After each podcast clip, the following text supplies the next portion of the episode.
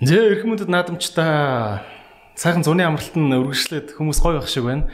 Тэгээд наадмын дараах дугаарууд маань ийхүү үргэлжилж байна.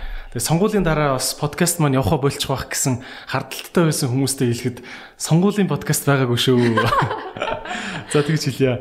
За тэгээд өнөөдөр манай дугаарт за миний эрхэм анд найз те мөн Фаро сургалтын төв дээр бол бит хоёр бизнесийн хамтрагч нар Фаро сургалтын төвийг үүсгэн байгуулсан. А одоогор тэгтээ их олон ажлууд өөр ажлууд хийгээд Фаро дээр бол байхгүй байгаа. А Facebook гээд бид бүхний хэрэгэлдэг те Монгол Монгол улсын 2 3 сая хүн хэрэгэлдэг Facebook гээд компани Монголд их албан ёсны төлөөлөгч гэдэг ажлыг хийдэг. Facebook компани ажилтан болцсон ийм хүн байна.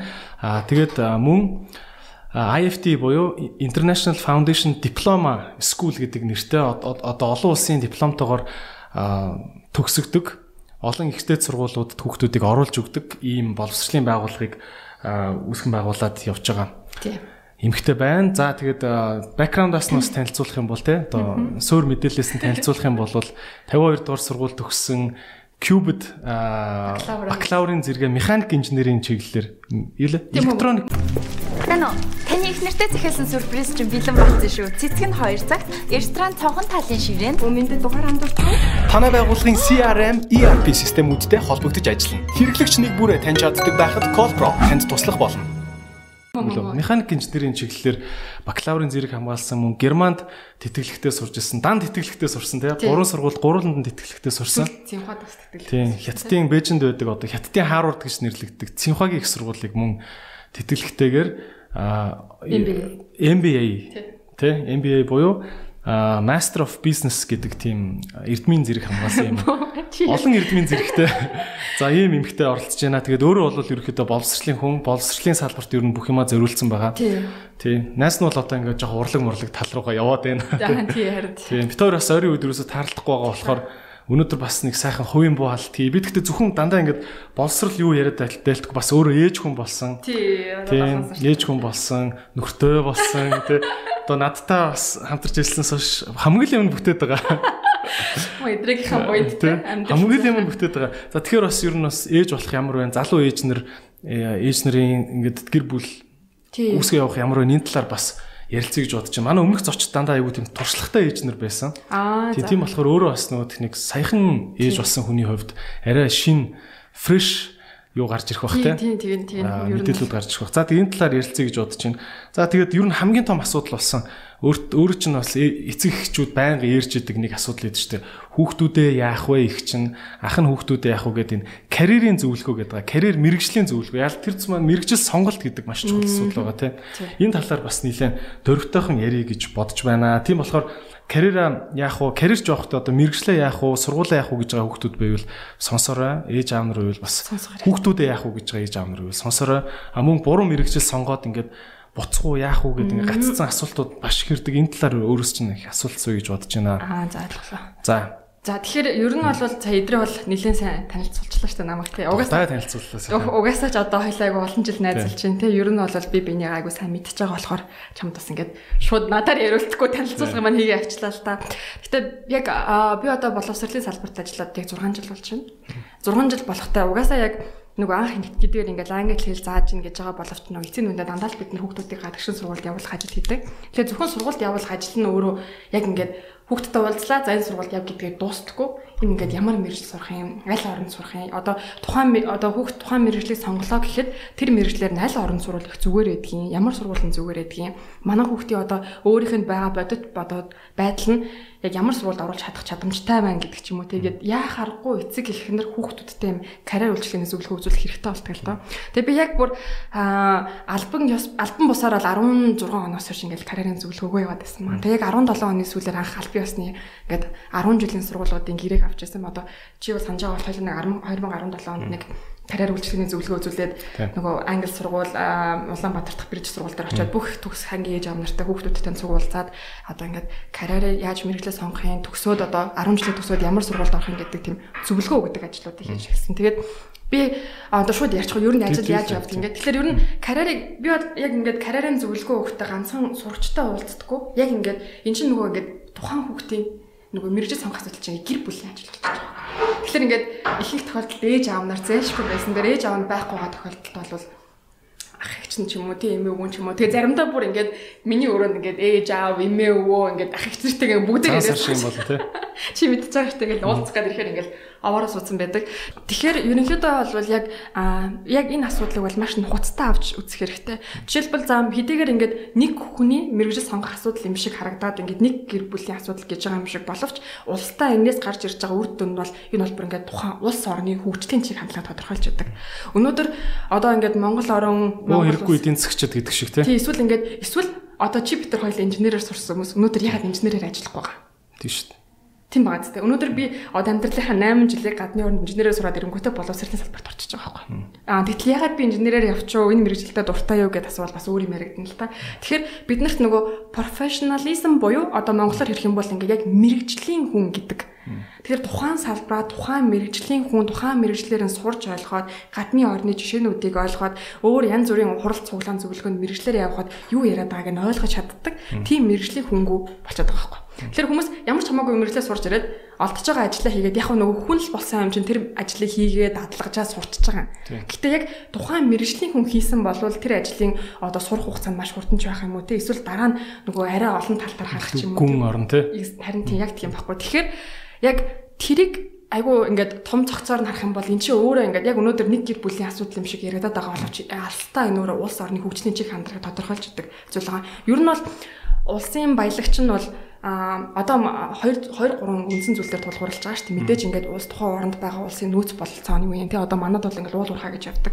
А гэхдээ бас улс орны баялагийг тодорхойлох хүн өөрөө тухайн улс орны баялаг гэж. Тэгэхээр нөх хүний хөгжил болсон боловсралтай хүний хөгжүүлж байгаа урлаг соёл эдгээр зүйлүүдийг бас ингээд нэлээд хүмүүст түгэж ойлгуулж а тэгэд энэ талаараас карьер сонгож байгаа мэрэгжил сонгож байгаа хүмүүст нь ингээ зөвлөгөөг нь өгүүлж тэгэхгүй л одоо хүн болго инженер болъё хүн болго. Яг ийм шалтгаанаар л одоо өөр чинь би хүрээд шүү дээ тий. Тий одоо над над дээр ирдэг ингээд а одоо дагагчд те инстаграм дээр ингээд дагж байгаа одоо 10 жилийн оюутнуудын ингээд юу байгаа шүү дээ. Хүсэлтүүд. Дандаа буруу мэрэгчл сонгоцсон яах вэ? Хоёрдугаар курс болчлоо. Ерөөс таалагдахгүй нээж болохоор нэгэнт ихлүүлсэн наад мөөсөө төгс гисэн. Яах вэ? Гэл ингээл дандаа ийм асуултууд ирдэг. Эсвэл би одоо юунаас ковидос болоод Америк явж чадхаа болчлаа. Уг нь нисхийн сургууль тань шиг явах гэж ирсэн. Гэхдээ одоо би энд юу юм Монголд нисхийн сургуульд яг уу байдаг те. Гэхдээ Монгол би арай өөр юм хийж болох уу? Тий. Ийм асуултаа тий. Тэгэхээр яг яг эн чинь ингээл яг нөгөө одоо ингээд бас ингээд хэрвээ ингээ өргөн цар хүрээг нь авчилдсан бол яг энэ тал руу мэдээж улс орон боловсролын яам те маш ингээд а ер нь боловсролын ажил гэдэг чинь айгүй хурдан үр дүнгээ гаргадаг ажил биш. Энэ бол ингээд алстаа үр дүнд гаргадаг ажил болохоор бид нар урт хугацааны одоо одоо solution англиар solution монголоор бол одоо нөгөө шийдлэг урт хугацааны шийдэл гэж. Бас богино хугацааны наан тулгамдсан байгаа асуудалтай хүмүүсийг яаж хийдэг вэ гэж ингээ хоёр төрлийн гаргалгаа гаргаж ажиллах хэрэгтэй. Мэдээж урт хугацаанд бол бид нэр 10 жилийн боловсрал мэрэгжил сонголттой энэ талын боловсралыг заавал олгоод хүүхдүүд багаас өсөж явахдаа би хэн болох вэ гэдгээ ойлгочихсон. Энэ талын мэдээлэл авах хэрэгтэй. Гэтэл ярилцсан байдаг. Тий. Тэгэхээр нөгөө одоо бид нар нэгэнд өнөөдөр ингээд 12 дугаар ингээд төгссөн хүүхд мэрэгчлээ сонгох уу? Яах вэ хүүхд? Яг одоо саний асуудал шүү дээ. 2 дугаар курст орсон. Би энд мэрэгжил дурггүй. Сураад үзсэн чинь надад таалагдахгүй, надад тохирохгүй мэрэгжил байна гэсэн. Бага тохиолдлуудад яг гэхээр бид юм богино хугацааны шийдлүүдийг буюу юм юм career coaching, career counseling одоо англиар ингэж хэлж болж монголоор бол заавал ингээд мэрэгжлийн зөвлөгөө өгөх, тэ мэрэгжил сонгох зөвлөгөө өгөх юм ийм ажлыг бол ингээд сургалтын байгууллага боловсролын байгууллага өөр өөрийнх нь цар хүрээнд бол хийдгэлтэй янз бүр. Одоо би бол хувийн туршлагаас ярих юм бол жилд бол нэг 200 хүүхдэд бол зөвлөгөө өгчөд байгаа. Дэшөө доошоо. Амжихгүй энэ олон гэхээр ер нь болж игэл тэгээд а одоо бол гадны их сургуулиуд бол бүгдээрээ хажуудаа карьер центр гэдэг бүр ингээд бүтэн юм алба нэгжтэй байдаг шүү дээ. Тэнцэн хүүхдүүд ороод ингээд студент консалинг гэж нэрлэдэг шүү дээ. Тийм. Мэргэжил ажлынхаа талаар бүх төрлийн сервисээ авч идэг тийм А одоо шинэ Монгол сургууль бол бас тийм юмтай болсон байлээ тийм ингээд. Монголд нөгөө хувийн сургуулиуд буюу одоо боломжтой эсвэл гайгүй нөгөө бас бас нөгөө айгүй олон зүйлээс хамаарна л да. Энэ ажлыг яг боловсон хүчин буюу мэрэгжил сонгох ажлыг бэлтгэнээр бид нар боловсон хүчин маш ховор. А хоёрдугаар энэ талаар ингээд яг ингээд эн чинь нөгөө хүний амьдралтай харилцдаг болохоор ингээд тийм ингээд эцэг минь минь хүүхд ишэдэд өгтөө ингээд дишин тишин явуул гэхэд үнэхээр яг энэ талаар ажиллах юм хүсэл эрмэлзэлтэй хүн байна уугүй юу те. Яг л ээж амдар дараа нь ингээд тантай ингэ зөвлөдөөд энэ мэрэгжил сонгосон чинь энэ биш болчлоо тэр биш болчлоо гэж асуудал гардаг болохоор маш их хүмүүс зүгээр ингэ. За хоёулаа шууд прагматик аж амьдрал руу орё. За ингэ том зургаар харахаар бол мэдээж энэ бол бид нар боловсролын салбарыг зүгээр нэг танхимд хичээл заахаар хараад байна. Түүнээс гадна энэ чинь мэрэгжил амьдралын хамт төлөвлөх ийм бүр том операц явуулж явах ёстой гэдэг нь бол 0 байгаа тийм шүү дээ. За тэгэхээр За энэ тал дээр хоёул зүгээр анч амьдралын юм руу оръё. За сүүлийн үед э, өөрөө бол байнга ингээл эцэгч нар эцэгчүүдтэй ингээл уулзж идэг завчлалгүйр тий. Хамгийн их ирээд байгаа асуулт асуултууд юу байна? За топ 3-та шууд ийшээгээ хариулчих гэж гуйж байна. Хамгийн ихнийх нь болохоор ингэж байгаа. За манай хүүхд гадаашаа сургуульд явах гээд бэлтжижсэн. Сая 12 дугаар ангид төгслөө. Гадаашаа сургуульд явах гээд бэлтжижсэн чинь коронавирус гараад. За. Ингээд явах явха болчлоо. Тэгэд ингээд одоо хил хаалттай юм чи явах нь ойлгомжгүй болчлоо. Тэгэнгүүт ингээд тийм одоо ямар сургуульд оруулах уу, яах вэ, ийх үү, Монгол сургуульд оруулмааргүй байна. Зарим нь бол тэгж ярьж байгаа байхгүй. Зарим бүр нөгөө а одоо бүр ингээд урилга авцсан байгаа шүү дээ. Сургуульд явах байгаа хүмүүс ингээд явах боломжгүй шүү дээ. Одоо ингээд тэр сургуульдаа л явах нь ойлгомжтой юм чи одоо нэг жил явж чадахгүй. Юу хийх вэ? Яах вэ? Гэсэн асуулт ингээд ер нь бол би 6 сараас хойш айгүйх авч эхэлсэн. Аа тэгэд яг энийг би бол ямар шийдэл миний хувийн зүгээс одоо манай багийнхны зүгээс бид нар яаж шийдэж байгаа вэ гэхээр бид нар олон улсын суурь боловсролын дипломыг олгодог юм сургууль нэгнээсэн байна. Одоо англиар хэлэх юм бол International Foundation Diploma гэдэг. Яг энэ яадаг вэ гэхээр хүүхдүүд 10 жилийн сургуулаа төгсөөд хэрвээ гадагшаа сургуульд явъя гэвэл хэлний бэлтгэлд явах хэрэгтэй байдаг. А эсвэл IELTS муу TOEFL оноо өгөх хэрэгтэй байдаг. Шалгалт англи хэлний шалгалтын оноо өгөх хэрэгтэй байдаг. А тэгээд хэлж чинь гэж өргөдөл бичээд admission процессор яваад 1 жил болдог тийм. Жил болдог тийм. Тэрийг их орондоо эзэмшээд яг одоо энэ Английн боловсролын яамны боловсролын үнэлгээ хяналтын газрын гэдэг одоо улсын байгууллагын дор байдаг. Одоо NCC2 гэдэг байгаа одоо товчилж хэлсэн байгаа. Энэ энэ төвтэй манайх одоо Fara group хамтраад тэгээд ийм сургууль нах ирэхээ авцаал би басна ирэхээ. Тэгээд яг энэ сургуульд сураад нэг жил сураад англи хэл дээр хичээлүүдэд үзээд диплома аваад А тэгээ дараа нь манай хамааралтай 70 сургуульд шууд орж болно. А өөрийнхөө хүсэж байгаа сургууль хэлний бэлтгэлгүй шууд 1-р курсээс орно. А хамааралтай сургуулиудаа шууд 2-р курсээс орно. За би бас яг чамтай подкастт оролцохдоо нөгөө одоо Монголоор бол пост пандемик период гэдэг байгаа байхгүй. Цар тахлын дараагийн өдөр нь ямар шинж чанар харагдаж байгаа. Ер нь дэлхийн улс орн бас хаашаа явж байгаа тухаас ер нь энд бас боловсролыг бас заавал ярих хэрэгтэй болчиход байгаа байхгүй. Тэгэхээр энүүний нэг хэсэг нь бол юу вэ гэхээр ихэнх гадны сургуулиуд одоо hybrid гэж нэрлэдэг англиар бол холимог систем руу шилжиж байгаа. А яг онлайнаар авч болох хэрэгцээ те одоо хувь хүний сэтгэл хөдлөл сэтгэл зүй те энэ зүйлийг одоо шаардахгүй хичээлүүдийг бол онлайнаар авдаг болъё.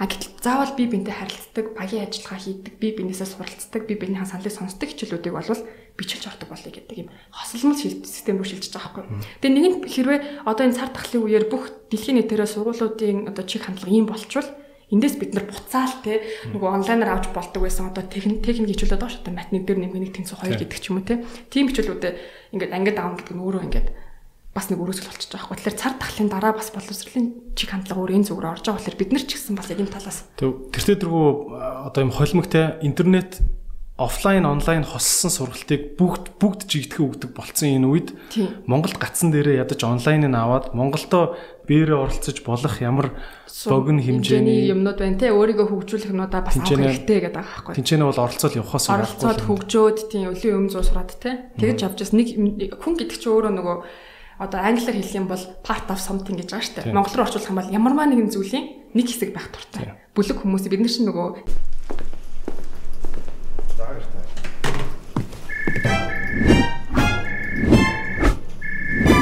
Бизнесийн байгууллагын хувьд дуудлага бүр орлого боломж сэтгэл ханамжийг дагуулдаг. Дуудлагуудыг боломж болгоход Callpro танд туслах болно. Нийгмээр амьдардаг болохоор нэг хэсэг хамаарах дуртай тийм. Тэгэхээр ингээд тэр хамаарлыг чинь онлайн дотор орохор чинь ингээд байх болч. Өнөөдөр ингээд бид бүүнээрээ сууж би бинтэй хөгжил болоо солилцмаар шүү дээ. Тэгэхээр трийг нь бид нар бол заавал байлгах хэрэггүй бол хүн чинь дараа нь тараас нэг одоо сэтгэл зүйн асуудлууд авих гарч ирнэ л дээ. Яг одоо энэ цаад талаас болоод маш их одоо тулгам хүмүүс одоо дэлхийн нийтийн одоо дэлхийн нийтэд тулгарч байгаа нэг том асуудал нэг нь бол сэтгэл зүйн асуудал болчиход байгаа байхгүй. Хүн болон гэртээ хөл хороонд орсон. Хөл хорооноос болоод маш их юм сэтгэл зүйтэй хамааралтай эмгэггүүд гарч ийн тий. Тэрнээс хамааралтай маш их гарч ирж байгаа. Тэгэхээр бид нэр заавал би бинтэйг ингэж уулзаж ярьж ингэж би бинээсээ ингэж суралцаж одоо харилцаж явах хэрэгтэй болчиход байгаа юм та. За хоёлоо одоо одоо чи хоёлоо бол фарууд дээр хамтардаг тий. Аа гэхдээ ер нь бол фар сургалтын төв ингээд пандемикаас болоод ер нь үйл ажиллагаа нь баг баг зогсчихл баг ч явахдаа ер нь бол зогссон байгаа шүү дээ тий. Тийм тийм болохоор яг хоёлоо бол ажил төрөл дээр бол нэг харагдахгүй л байгаа юм л та. За тэгвэл энэ бид одоо foundation school гэдэг энэ ч одоо ингээд гадаад ч явж чадахгүй Монголдо их сургуульд сурах гэхээр нэг ингээд дунд нь хүсэхгүй байгаа. Ягаад тэгэхээр нөгөө нэг жил явчингуудаа угаасаа гадагшаа явж магадгүй гэж төлөвлөж байгаа хүмүүс таахгүй. Тэ а үнэхээр Монголдо сураад 4 жилээ төгсөй гэж байгаа л тэ болно шүү дээ. А яг нөгөө окей биний угаасаа хүсэл мөрөөдөл би гадаадад сурах хүсэлтэй байна гэж байгаа тохиолдолд энд нэг жил курс сураад тэр жил хайрамжил واخгүй тэр жил чинь хараалагдахгүй шүү дээ. Тэгэхээр ийм суур боловсролын олон улсын ийм диплом олгодог ийм нэг жилийн сургууль зураад кредитэд тооцоолоод 2 дугаар курсээс орж ийн. Эсвэл өөр газар явлаа гэхэд хэлний бэлтгэл хийхгүй. Тийм. Тийм эн чинь өөр айгуу том давуу тал болчихж байгаа байхгүй. Тийм ээ. За энэ энэ хөтөлбөрийн чинь талаар би жоохон байж байгаад асууя гэж бодож байна. А тэрнээс өмнө өөрөө бол бүр айгуу сонин Куб, Герман, Хятад гэдэг энэ газруудад гэхдээ дандаа англи хэлтэй хөтөлбөрүүдэд нь тий. Гурван сургуулийг өөрөө тэтгэлэгтэйгээр ингээд сураад ирсэн юм шүү дээ бүх.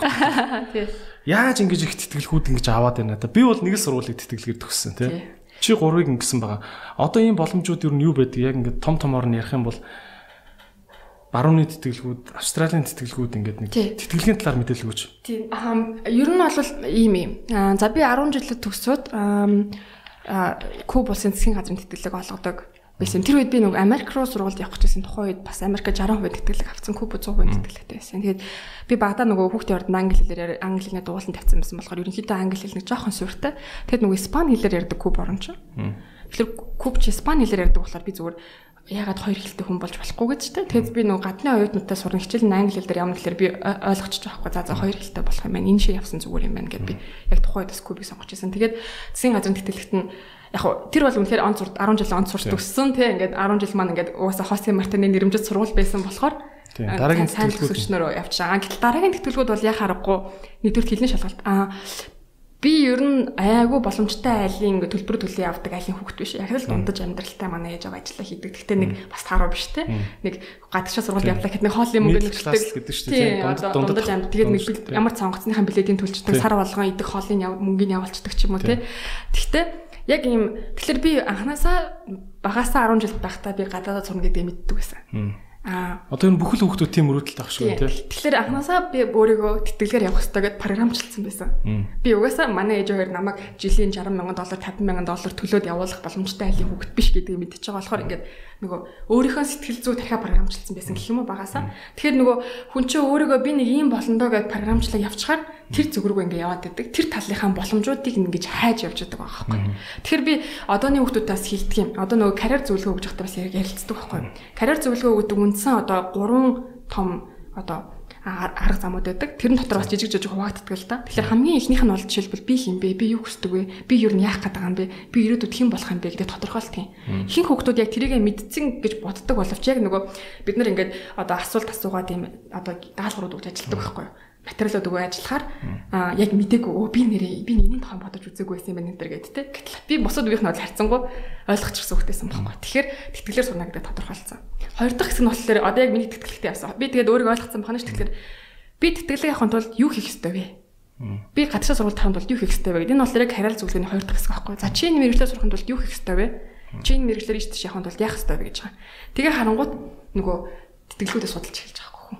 А энд ийм тэтгэлгүүд юм. Жишээлбэл За Латин Америкийн орнуудад бол мэдээ засгийн газар ер нь дэлхийд бүх засгийн газар тэтгүүлж байгаа Америкаас бусад газрууд Америкт болохоор Fulbright гэж явчихдаг. За Европод болохоор Erasmus Mundus гэдэг тэтгэлэг байдаг. Европын холбооны орны тэтгэлгүүд гэсэн. Нэг нэг жил нь Европын нэг орнд сураад нөгөө жил нь өөр нэг өөр сургуульд сурдаг ч юм уу те. Гэхдээ нөгөө тухайн эхний жил сурж байгаа орны хэлээ мэдэх хэрэгтэй. Жишээлбэл Erasmus Mundus-д бол би Испани хэлтэй байгаа учраас Испани яваад дандаа дараа нь Герман явах боломжтой. Эсвэл Испани ясан бол Франц явах боломжтой ч юм уу те.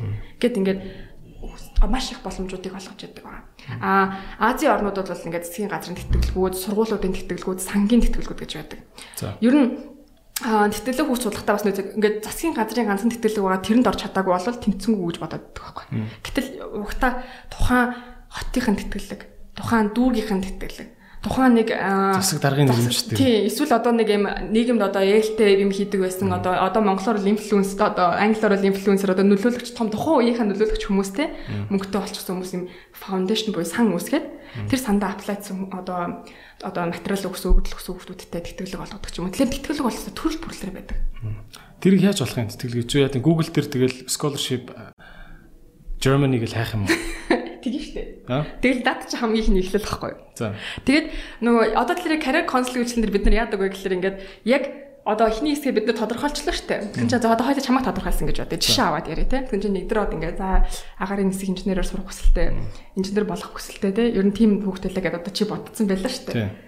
Тэгж өстөн. Тэгсэн чинь над дээр яриа хойлоо уулзсан чинь хойлоо чамайг тодорхойлсон чинь би чамайг аа чамд ингээд хүний харилцааны мэрэгжил зохимжтой байна. Чи ингээд бас ингээд entertainment талын юм хийвэл айгүй зохимжтой байна гэдэг одоо чанарыг чи ингээд хойлоо анализ гаргаж ирлээ шүү дээ. Тэнгүүд хойлоо бодолцсон нацаа. Яг ямар мэрэгчлэр хүм ямар ингээд хойл ярьсан чинь чи гэртээ хараа унтаж унтаж бодож ирээд энэ талаар ажилладаг хүмүүстэй уулзч ирэнгүүтээ за би аа жүжигчин болъё гэж өрөөдөр. Тэгэх боломжтой. Тий, боломжтой тий. За, инженерээр явна гэд гэрийнхэн чинь ингээд хэлсээр ясан чи ирсэн чи би өнөхөж жүжигчин болмоор байна гэж хүрээд ирлээ шүү дээ. Тэгвэл би аз жаргалтай амьдрах гэдэг байна гэд. Тэгэх юм бол хойлоо одоо суух нь ш. За, жүжигчнээ мэрэгчлэр хаан сурвал зөв үрээд юм. Аа. Жин одоо ингээд за Солонгос сурж болж чинь, Европын орнд сурж болж чинь, Америкт сурж болж чинь, Австрали, Канада гэл хаанч одоо урлагаар сурах боломжтой газрууд байна шүү дээ. За тэгвэл ийм ийм газрууд ингээд хойлоо суулаад листлэн гэсэн үг байхгүй.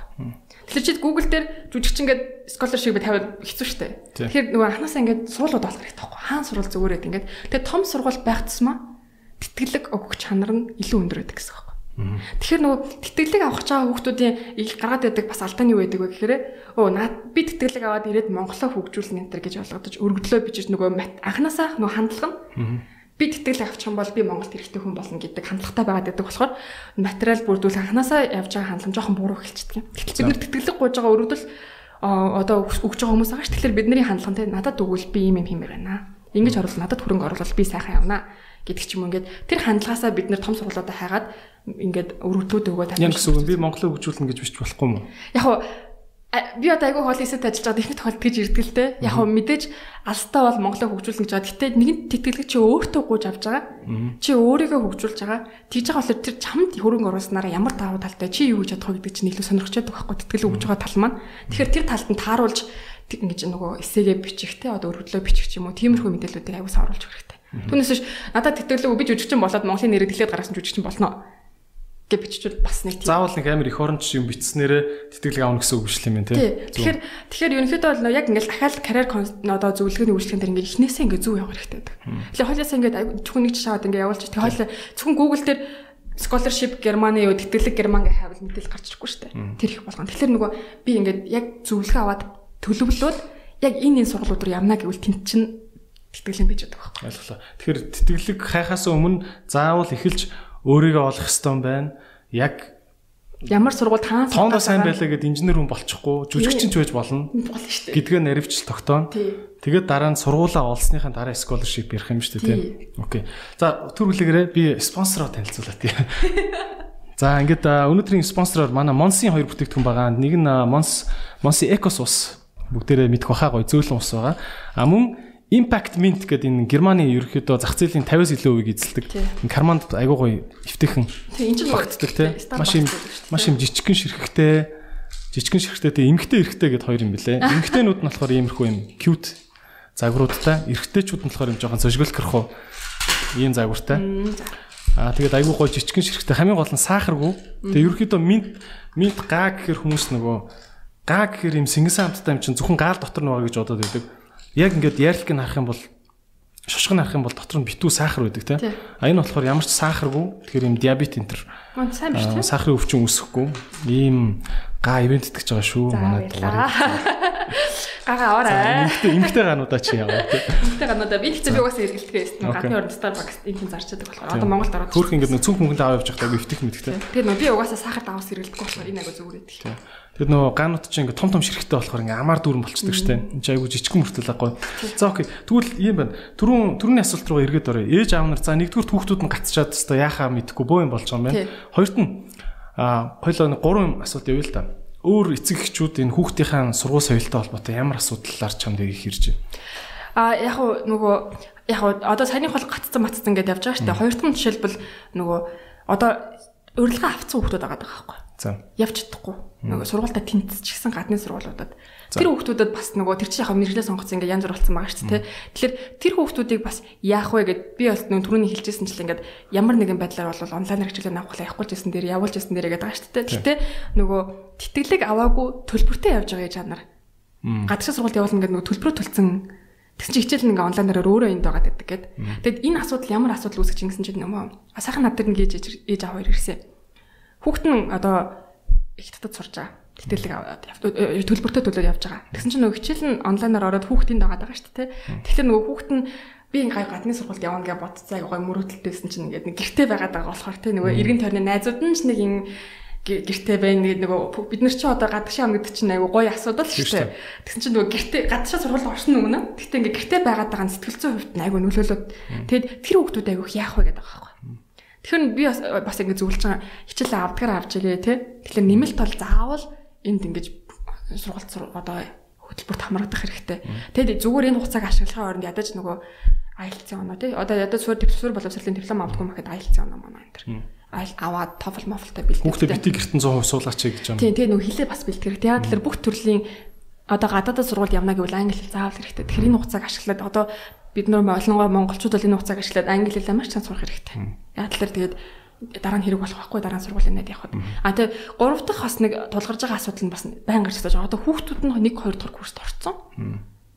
Тэгэхээр чи ингээд одоо хамгийн сүлд нэг их 3 дахь курс гинэ. Цаашлахч цаашаачгүй нашаачгүй. Тийм. За 1 2 ч бас дөрөвчтэй ингээд гаргаад шинээр эхлүүлэх чинь 3. Одоо дөрөвгөө төгсгöd байдаг. Энэ жил ингээд 3 дахь орж байгаа гэсэн чинь ингээд бэд мэржлээ сурахгүй одоо яах вэ гэсэн эцэг нар бас айгүй hirж байгаа. Тэгэд яг би одоо шууд ингээд подкастер тэг гэж хэлэхэд бас хэцүү. Яа тэгэхээр нөгөө айгүй хүн хүний амьдрал чинь өөр, хүн хүний шалтгаан өөр. Гэтэ би ерөөхдөө юу зөвлөдөг вэ гэхээр мэдээж болвол үнэхээр дургуут хүчгүй гэж. Тий. Заавал тэгж сурч хоёрын хооронд сурсан ч болоогүй хугацаа алдуулаад мөнгө төлж яхаар болиулсан дэр. А хэрэв үнэхээр дараа нь одоо сургууль төгсөөд яах вэ гэдэг төлөвлөгөө нь тодорхой байвал те. Магадгүй сурч төгсгөөд нэг жил юм чин те. Нэг дипломыг гаргуулаад дараа нь мастрын ч юм уу эсвэл нөгөө мэрэгжил олгох жижигэн ч одоо бүх юмыг заавал юм дигригээр авах шаардлага болчиход шүү дээ те. Яг хүсэж байгаа зүйлийг нь сургадаг ч юм уу. Тиймэрхүү юмыг нь бас ингэж зөвлөөрэй гэж хэлэх гэ. Түүнээс биш яг одоо хойлоо сууж байгаад нэг хүүхдээ. За одоо 3 дахь курст орсон мэрэгчлээ таалагдахгүй хүүхдүүд гарна гэж хэлсэн. Тэгвэл юм биш үү? Ойлголоо. Аав ээж нар хүүхдүүдтэйгээ ярилцаа сууж ин тийм үү? Галтгоондоо ингээд за хинийгээ юугаар сурахгүй. Чи чинь хиймдээ уг нь хэрүүлээ гэл ингээд асуугаад хэлсэн шүү дээ, тийм. Аав ээж нар зүгээр хоёлаа гэрээ нөхцөл зөвлөхөө гэл та. Чам дээр ингээд ирээд чи ч угаасаа жилд нэг 200-аад л хүнтэй уулзалдаг гэдэг чинь цаа чи хэдэн мянган аав ээж нар шүү дээ. Энэ хүмүүс зөвлөхөө гэл та. Аа аав ээж нар галтгоондоо хүүхдтэйгээ хамт мэрэгжлийн сонголцож байхдаа ямар ер нь суур зарчим дүрмүүдийг баримталж ямар ямар алхмаар хүүхдээсээ юу юуг ядаж асуугаатхаа чи хүүхдээсээ хүүхдтэйгээ ингэж харьцаач ч юм уу? Тэр зөвлөгөөг нэг базаад өгч. Тэгээ а хамгийн түрүүнд ээж аав нар маш нээлттэй байх хэрэгтэй. Яагаад гэхээр нөгөө эцэг эхнэр өөгөө манайх удмаараа эмчнэр хийсэн одоо чи юмч бол гэдэг шууд хандлагатай ярьдаг. Тэр англиар open mind буюу монголоор ингээд тэр хүүхдээс юу ч тий юу ч одоо гарч ирж магадгүй гэдэг сэтгэлзэн бэлтгэлтэй тэрийг нь хүлээж авахтаа одоо сөрөг одоо хандлага үзүүлэхгүй. Тийм ингээд нээлттэй ингээд за юу ч гарч ирж магадгүй гэдэг өнцгөөс ингэж бодож асуултаа асууж хамгийн түрүүнд нээлттэй хандах хэрэгтэй. Хүүхдүүд яадаг вэ гэхээр хүүхдүүд ээж аав нь ээж аав нь штэ. Тэгэл хүүхд нь эргэлтэн те. Ингээд ээж аав юм чинь те. Тэгэхээр нөгөө хүүхдүүд надтай ярьж нэг ярих ээж автайгаа ярих хоёр хоёр өөр байдаг байхгүй. А тэгээ дараа нь бид миний уулзалт чинь ингээд ээж ав бид хийхдээ уулзсан. Дараа нь би хүүхдтэй хойлохноо уулзсан. Дараа нь би ээж автаа нь уулзсан. Дараа нь би тэгэд ингээд уулзсан тий. Тэгэхээр эцэг эхнэрийн энэ миний хүүхэд эмчин гэдэг хандлагаар ингээд яриад анханасаа тийг хэлчихээр тэр яриа сайн явахгүй. Тэр хүүхэд үгүй чи бид нар гэрээрээ юмч байсан чимж болох хэвээр гэвэл тэгэл би юмч болох хэвээр гэж бодож чинь тий. А гэтэл нөгөө Гэхдээ дургуугаа сүүл 3 дахь курстэй болгон тий. Тий. Тэгэхээр тэрний оронд ингээд за чамд юу таалагдаж байна? Чи юу руу ер нь илүү сонирхоод байна гэдэг асуултыг ээж нь заав ээж амдаа заавал асуух хэрэгтэй. Хамгийн түрүүндтэй өөл нээлттэй хоног хоёрт нь чи яг юу хүсэж байна? Хаашаа яваад байна гэдэг асуулт. Гурав дахь асуулт чи 5 жилийн дараа өөрийгөө ямар байна гэж бодож байгаа төсөөлөл юм байх хэрэгтэй. Зүгээр л өөрөө нэг өдрийн амьдралыг төсөөлөө ярих юм уу? Тий. Тэнгүүд одоо эсвэл яг чи ажиллаа ирэх юм уу? Үгүй яг нэг өдөр амьдралаа.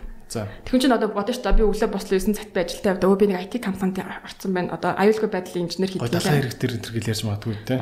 Тийм байхгүй. Тэгэхээр ээж аав нар яг хүүхдийн ингэж задлж өгөх хэрэгтэй. Тэг одоо эхний асуулт нь эхлээд нээлттэй байх хэрэгтэй. Тэрийгээ бүр тодорхой хэлчих хэрэгтэй. Чи нээлттэй илэрхийл би чамаас гарч ирж байгаа бүх зүйлд чинь бид нарыг хүлээж авахд бэлэн байна. Бид нар чам одоо ингээд одоо чамд ингээд тулгаж ингэж яа гэж энэ өнөөдөр энэ уулзалт тийм явахгүй гэдэг хэлэх хэрэгтэй. Хоёрт болохоор чи яг юунд илүү дутагдаад байна? Юу чамд илүү таалагдж байна те? Тэрийг нь дотор. Гуравт нь чи 5 жилийн дараа Тий. Өөрийгөө ямар байна гэж төсөлж чинь өөрийнхөө амьдралын нэг өдөр би ярина уу гэдэг ч аахгүй. За ингээд энэ гурвыг асуулт яг ер нь хүүхэд чинь нэг чиг хандар тодорхой болох гараад ирдэг. Тэгэхээр нөгөө яг ийм би офисууд хийж ажилдаг хүн болох нь эсвэл би яг ингээд одоо нөгөө ялангуяа мэрэгжлийн чиг хандлага чинь бас ингээд хуучин шиг биш болчиход байгаа байхгүй. Хүн гэрээсээ ажиллах боломжтой, онлайнаар ажиллах хаанаас ч их боломжтой болцсон болохоор яг нөгөө хүүхд одоо тэгээд ялангуяа өдийн нас өсвөр насны одооны хүүхдүүд чинь бүгд интернет ертөнц нээлттэй болсон болохоор ихэнх нь ютубер болно гэж байна те.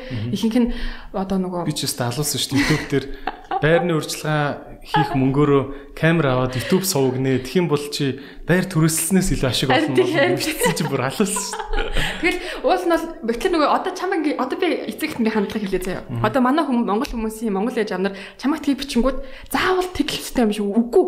Манай хүүхд тэгж байрны урьдчилгаа хийж YouTube ч болохгүй гэдэг ингээд шууд сэтгэл зүйн хандлага нөгөө нээлттэй миний нөгөө нээлттэй байгаад байгаа чинь байхгүй байгаа зү. Тэгэхээр аа магадгүй эдрийн хэлж байгааг нэг хүүхдүүд дагаад хийж болно. Миний хүүхд тэгж шаардлагагүй шүү дээ гэдэг ч юм уу те нэг тим хандлагатай байх хэрэгтэй. Зүгээр юм олон сонголтын нэг болгож хүлээж авахгүй. Харин тий. Би өөрөө нэрэд амьдралын шийдэд өгж байна гэж байгаа юм шиг хараад байна те. Тий. Тэгэхээр нөгөө одоо би яг хоёлаа career counseling одоо яг юм мэрэгжил сонгох зүйлийнхаа би энд ингээд тик ингэж дитейлтэй хэлж чадахгүй байгаа да. Яа тэр хүн болгоных өөр гэдэг хүн болгонд өөр тэр чинь ингэж яг нэг нэгээр нь харьцах хэрэгтэй ажил болохоор нийтээрээ за одоо дэлхийн нийтийн чиг хандлага ийшээ авч байгаа юм чи одоо дэлхийн нийтийн чиг хандлага IT руу явж байгаа юм чи бүгд програм бичиж сурна уу гэж хэлээ сууж байвал бас өөрөө өрөөсгөл тахгүй. Гэтэл ингээд амар бид нар сэтгэл зүйч нар хэрэгтэй байна. Бид нар сайн багш нар хэрэгтэй байна тий. Тэгэхээр тэр болгоныг ингэж тодорхойлж ингэж хүүхдүүдэд гарна гэсэн үг байна. Тэгэхээр а тэг гуравт нь болохоор ингэж юм. А дөрөвт нь болохоор сая би ингээд ямар 5 жилийн дараа хэн болох нь гэж ярьж шүү дээ. Тэгэхээр хүүхдүүд ингээд хүүхдүүд чаяа гоё цайлган ялва ямиг гоёр харна. Юу ярих вэ хүүхдүүдээр? Тэгээд одоо жишээлбэл би өчигдөрхөн нэг одоо Тайван руу явах гэж байгаа хүүхдтэй ингээд ээжтэй ээжтэйгэр надтай уулзсан байхгүй бүр би гэрте байна гэсэн чинь манай гэрийн гадаа ирээ бид нар машинд нь сууж уулзсан. Заримдаа би нэг хүүхдтэй болохоор гарч чадахгүй. Тэгээд тэгээ уулзаад яриад би тэгээд за чи төсөөд ирээд яг юу хийж ингээд бодож ингээд гэсэн байхгүй. Тэгсэн чинь ингээд тэр хөлт хэлж байгаа байхгүй. Би ингээд агай гоё аюулгүй байдлын чиглэлээр сурах чагаа. Тэгээ аюулгүй том том компаниудын одоо хаан банкт ч юм уу те ингээд аюулгүй байдлын одоо ажлыг нь хашна гэж байгаа байхгүй. Тэгээд би тийм ажил хийгээд 5 жилийн дараа хатал өглөө босоод гэрээ яагаад ажилтаа яваад гэж ярьж байгаа юм л та. Тэгсэн чинь би ингээд за чи ингээд хаан банкны аюулгүй одоо одоо аюулгүй байдлыг хариуцсан ажил хийдэг хүн боллоо гэж бодъё. Аа тэгсэн чинь чи яг энэ ажлыг хийснээр чамд ямар ямар эерэг зүйлийг авчирч чинь чамд ямар ямар сөрөг зүйлийг авчирч чинь гэсэн чинь нөгөө хүүхд бонд болохоор дандаа ингээ эргүүтийн ботцсон. Одоо ингээл айл гаалтан дарах хийгээл те. Тэгэл ингээл хулгайч нарыг бариад. Тийм. Эсвэл ингээл те нөгөө юм яг ингээ нөгөө томоор нь хараагүй те нэг юм хөөхөн гинэн сэтгэх байх байхгүй. Одоо ингээд эсвэл ингээд мөнгө төрөхтэй хариуцдаг болохоор амар чухал болохоор бид нар romanticize хийн гэж ярьдаг те. Одоо ideology гэдэг байхгүй. Одоо нөгөө хитрхийн ингээд онол гоё гоё зүйлээр хардаг. Гэтэл яг бодит байдал дээр гинт ингээд нөгөө халдлага гараад маш их мөнгө алдагдвал яах вэ? онлайн хатлаг үртүүд яах вэ гэдэг ч юм уу те. Шүн нойргүй хон. Эсвэл одоо тэр нөгөө программыг нь одоо юу хийж нэгэд айгу мөнгө штэ те мөнгөтэй банктай харьцаа тохиолдолд ингээд янз бүрийн зүйлүүдийг алдвал яах вэ? ингээд том том эрсдэл гарвал яах вэ гэд ерөөсөө ч бодоогүй гэдэг хүмүүс. Тэгээд ингээд эрсдэлтийн хоёлаа ингээд даваа талсуул талууд энэ бид нар хамтдаа ингээд ярилцал эхэлчихэж олон талаас нь хараад тэгэл эхлэнгүүт нөгөө хүмүүс чинь ингээд юу хэлээ би нэрээ ингээд сурхан зөвчлөө буруучлөө гэж хэлдэг Тэгэхээр нөгөө аягүй их зүйлийг түрүүний хэлсэн ингээд амар гоё романтик нүдээр хараад тэгээ тэр зүг рүүгээ ингээд явж ингээд шийдэл гаргах нь өөрөө эргээд энэ 3 дугаар курсээсээ мэрэгжлээ солих эрсдэл ч үүсэх гэдэг байна. Тэгээ аянда сураад ирэхээр болохгүй бүтэхгүй бүх юм харж байгаа шүү дээ. Тийм. Тэгэхээр нөгөө эцэг эхнэр яг одоо ингээд хүүхдээ мэрэгжил сонгохоор өнөөдөр сууж байгаа бол тий яг энэ талаас нь хүүхдүүдтэй ойлгуулж хэрэгтэй. Өөрөө мэдгүй бол энэ талбар дээр нь ажилтдаг хүмүүстэй уулзах хэрэгтэй зовлон жаргалын сонсох сонсох тий. Тий. Яг тийм байхгүй. Эцэг эхнэр ингээд өнөөдөр нэг хүүхдийн мэрэгжлийг одоо ээж аваа хоёр бид гурав шийдэх чинь одоо айгүй тийм бүт амьдрал шийдэх гэж. Тий. Тэгэхээр яг энэгээр ажилтдаг хүмүүсийг олох хэрэгтэй. Уулзуулах хэрэгтэй. Бид нар ерөнхийдөө хараа нэг гой гутал авахын тулд өдөржин дэлгүүр хийсэл нарантуулж ороод тумбаашч ороод гурван галч ороод ингэдэг хэрнээ хүүхдийн мэрэгжлийг шийдэхдээ яг эсэм дээр гурван эмчээ хаалга тогтдгүй байх шүү тий. Тийм байгаа зү. Одоо би санаж байл би нэг манай 13 дэх дүү ирээд нэг 10 жилийн сургуулиас солигээд хоёлаа нэг би чамтай нэг уулзчихсан шүү дээ. Тэгэхээр нөгөө их чин ах нь ээж аав нь юм хэлэхээр хүүхдээс өөр хүлээж авдаг байхгүй. А яг тэрүүгээр нь ажилдаг, тэр мэрэгчлэрээ сурдаг, те тэрүүгээр хийдэг одоо хүнтэй уулзахад хүн ингээ өөр болчихж байгаа байхгүй те. Тэгэхээр би бас дээр нөгөө 2 жилийн өмнө жилийн би нэг дүү уулзчихсан чамд уулзуулаад чи нэг зөвлөгөө өгөх те. Доор бүгдээр өрөөсөдөд. Тэгсэн чинь яг тэр жишээлбэл ингээ чи нөгөө заавал хүнлэнгийн тийм хүний ингээ нөгөө оролцоо яг ялангуяа өсвөр үеийн мэрэгчлээ сонгож байгаа хүүхдүүд чинь эцэгхээ сонсгоо болцсон байдаг тий. Үгсээр хагаад. Тий, бити гадаагаар бити компьютер дээр суу бити утсаа хараад бай гэдэг нөгөө хэлсээр хагаад ээж аав нарын хэлж байгаа хүүхд үнсээ нүүр болчдөг байхгүй. Тэгэхээр нөгөө яг энэгээр нь ажилтдаг энэ чиглэлээр энэ чиглэлээр нь одоо амьдраа явж байгаа хүмүүс Сая би нэр нэг амар хөөрхөн тийм ээжгүй хоёртой яла уулзлаа. Над руу бүр баг шинэ жилээс л биччихсэн байхгүй. Тэгээ би чи хагас жил гарan юм уу болчихж байгаа шүү дээ. Тэгэд манай хүүхдийн төрсөн өдөр байгаа маа. Манай хүүхд болохоор чиний комеди моментиг ингээд их үздэг. Чам чамд амар тийм тий одоо чамаг юм хэлвэл сонсох маягийн хүүхэд тий. Хүүхдэн тийм хүмүүжлгүй өнтер хүүхэд байгаагүй. Айгүй айгүй хөөх хүүхэд ус. Тэгээд төрсөн өдрөөр нь ээж нь бэлэг болгож чамтаа уулзуулж байгаа маа. Нэг цаг зүгээр ингээд уулзуулж ингээд асуулт масуултаа бэлдээд ирсэн. Амар хөөрхөн. Тэр чин тэр айгүй зүтгэлтэй ээж байгаа байхгүй. Тийм харин тийм ээж нар зөндөө зөндөө. Ер нь бол тэгэл яг ингээд намайг зориул ирж байгаа ч юм уу тийм ингээд би бол ингээд ээж аав нар та нар айгүй сайн байна гэдэг байхгүй. Яг ингээд яг энэ асуудлыг айгүй тийм чухалчилж авч үзэх хэрэгтэй байхгүй. Тэгээ бид нар ч одоо ингээд гэр бүл дотроо шийдэн би Тэ гэтэл ихэнх хийж байгаа нар яадаг вэ гэхээр нэг орой ярьж байгаа. За за чи химдээ сайн чи юмш болчих, физиктэй сайн чи инженер болчих, математиктэй сайн чи банкны хүн болчих гэлтэй. Тийм тий. Тэгээ мэддэг хэдхэн сургууль нь аа мөсийн санхүүгийн цэцэгт орчих, эсвэл санхүүгийн нэгтлэнгийн ангид орчих гэлээ нэг. Нэг банкны ангид орчих гэл тий. Ер нь харин тиймэрхүү гэдэг юм шиг байна тий. Аа тэгтээ яг зүгээр бид хоёр амар ерөөхийлж ярьж байгаа шүү. Яг л нөгөө түрүү хэлсэнчлэн тий эн чинь нөгөө хүн хүний асуудлыг авч хэлцдэг болохоор нөгөө яг хүн хүнд нь л зөвлөгөө өгөхгүй бол одоо энэ цугаа хойлоо нэг хүний жиг хандлага болчиход байна. Аа за тэгвэл нэг юм биш үү? За үгүй тэгэл ээж аавдаа загнууллаа гэд муудсан хаана байгаа. Ингээл нэг иймэрхүү үгнүүд гардаг штэ. Тэгэл манай гэрийнхэн удмаараа л эмчнэр байна. Тэгэл дургу дургу гэлээсэн. Тэгэл яг зовлон шаргалын идэл тэгэл сүултэн тэгэл болдог штэ. Энтергээл нэг тийм юу яадаг штэ. Нэг жоохон муухрал гимээр юм шиг те шийдвэр гаргах тийм механизмууд бас байгаад штэ. Тиймэрхүү юмнууд э, та хэрэг тааралдж байна. Тааралт нь ер нь эдэлийнх нь тийм За. Тий. Ер нь одоо ингээд харьцангуй ерөнхийдөө эцэг эхнэр бас ингээд залуутай дээр энэ төр гэл тийм байдаг шүү дээ. Тий. Ягаад л рөө би чинь нэг юм юм хийжсэн болохоор тэр имлэг төгсөө гараад ирэхэд ингээд чамд ажлын ядаж байрчин бэлэн ч юм уу те. Эсвэл би ингээд инженер хийжсэн болохоор тэнд ороход ажлын байрчин бэлэн ч юм уу те. Эцэг эхнэр хөрх юм тэрийг юм бас бодож байгаас төгсөөд ирэхэд би бас хаана ажилд оруулах байлаа гэдэг те. Ядаж нэг шахааны хүнд ажлаа алдчихгүй те.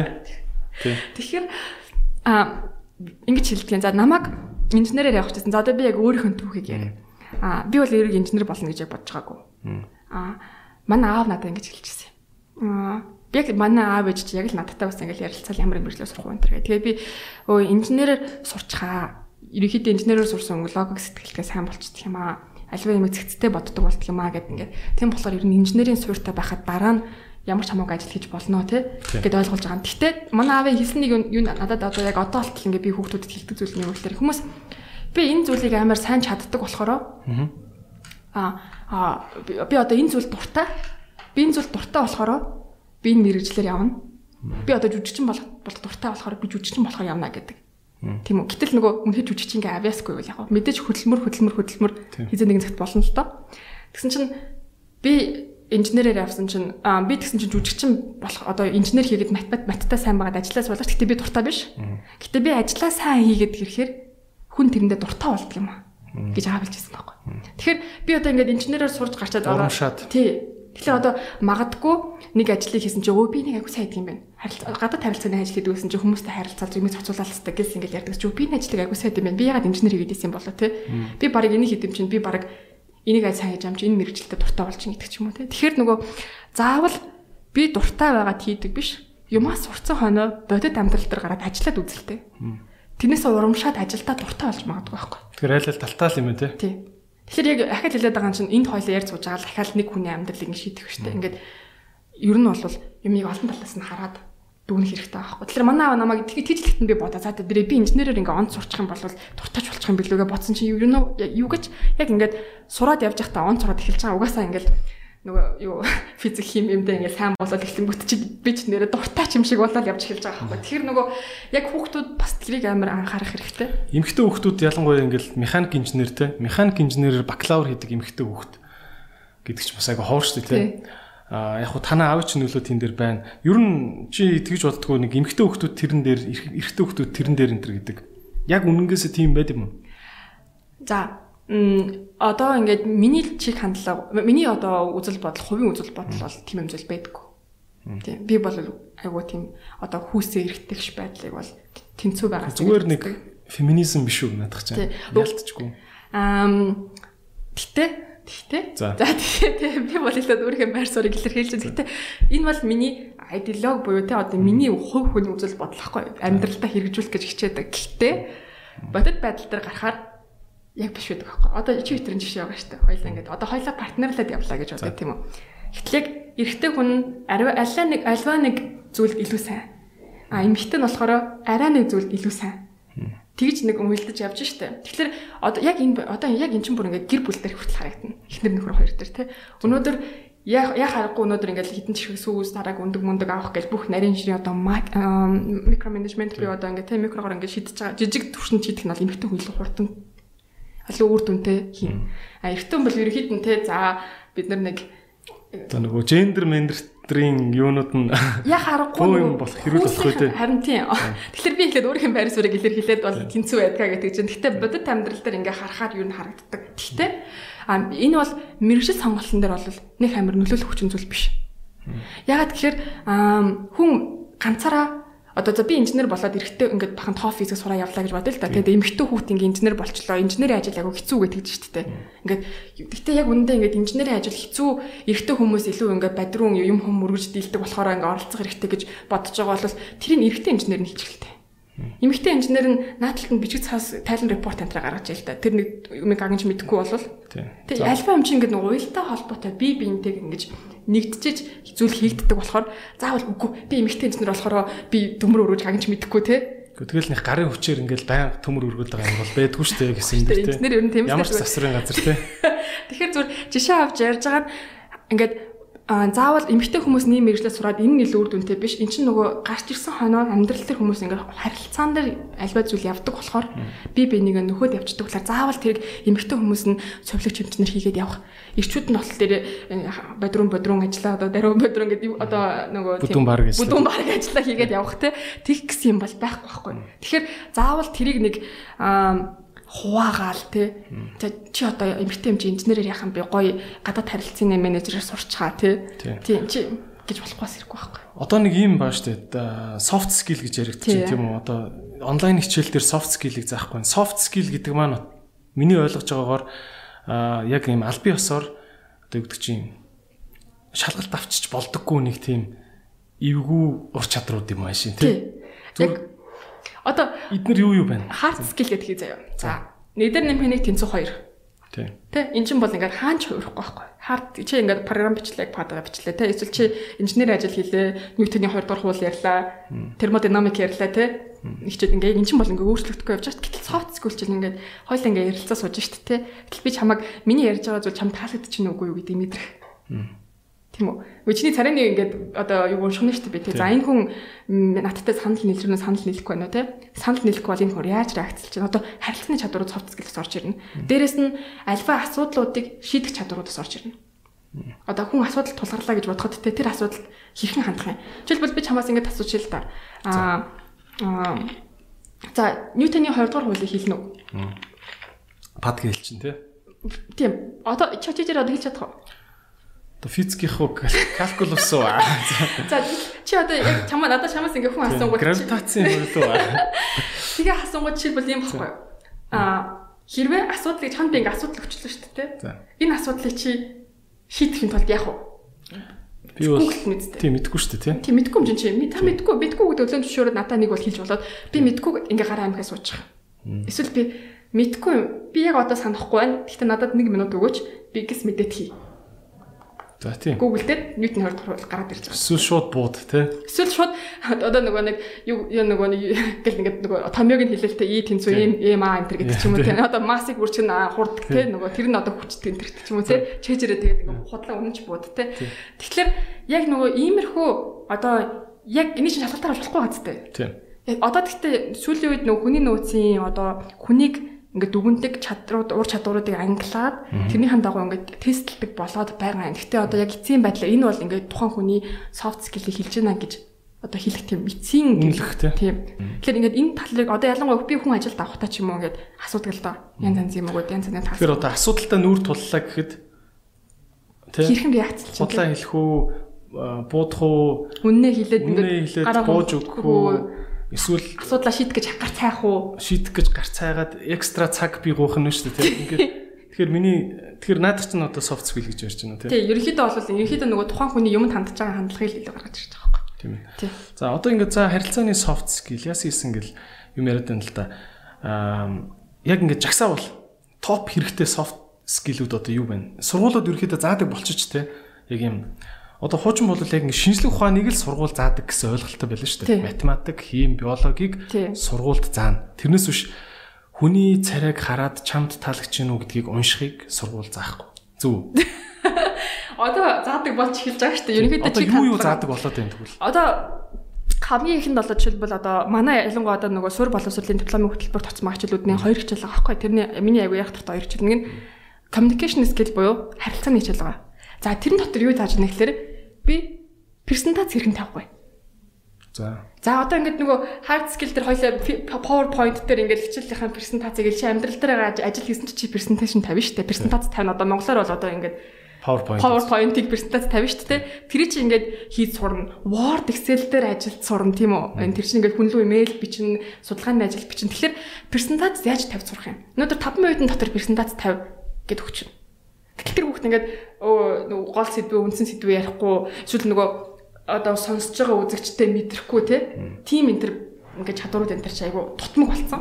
Тэгэхээр ингээд маш их одоо боломжуудыг алдчихадаг. Тэгэхээр их сургуулиудад одоо жишээлбэл харилцааны скил. Энийг бол ерөнхийдөө харилцааны скил гэж нэрлэж байгаа бол дотор нь ингээд судалгаа яаж хийдгийг, аа презентац яаж тавьдгийг, те имэйл яаж хийдгийг, профешнл одоо мэрэгжлийн харилцаануудыг яаж авч явдгийг гэдэг ч юм уу хичээлүүд ингээд ордог болчиход байгаа байхгүй. Тэгээ нэг нь одоо culture studies гэж орж иж байгаа өөр нэг хичээл нь. Монголоор бол одоо соёл судлал гэсэн үг. Тэгэхээр одоо хоёлаа ингээд гадны хүмүүстэй би одоо гадны байгууллагад ажиллаж шүү дээ. Монгол хоолой сайн байна уу гэд би ингээд гараа чинь барина те. Аа тэгснэ би чиний би санаанд хүрчгэрэг гараа чинь барьдаг шүү дээ. Одоо Монгол соёлтой энэ соёл. Тийм. Хөлтөр гიშгчлэгээ гарын барьдаг те нэрэ. Тэгвэл би гадаад байж очиод би хүний хөлтөр гიშгч өнгөтэй гарын дараад авал тэр чинь ингээд бүтэл үг авахгүй хүний бид ингэж ингээд халтж байна гэсэн. Хоёр удаа юу?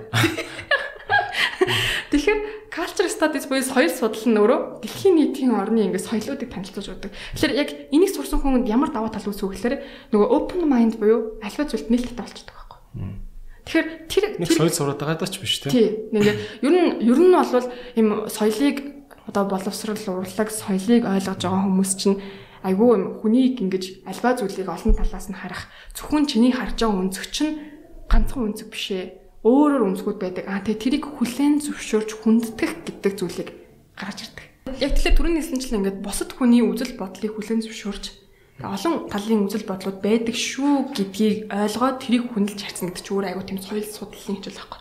Тэгэхээр би нэг гадны хүний хөлтөрмж гарыг бариад авлаа гэхэд тэр хүнд эвгүй тусгачсан дараа нь би өө яна ингээ манай оронд ингэдэг юм аа ингээ санаанд өмчлөө уучлаарай гэхэд бол тэр хүн бол ингээ аа ингээ өнгөрөхтэй өөр тайлбар хэлээг бол тэгэл ямар сони юм бэ гэж өнгөрөх байхгүй. Тэгэхээр тиймэрхүү зүйлүүдийг бас айгуу сайн ойлгодог байх хэрэгтэй.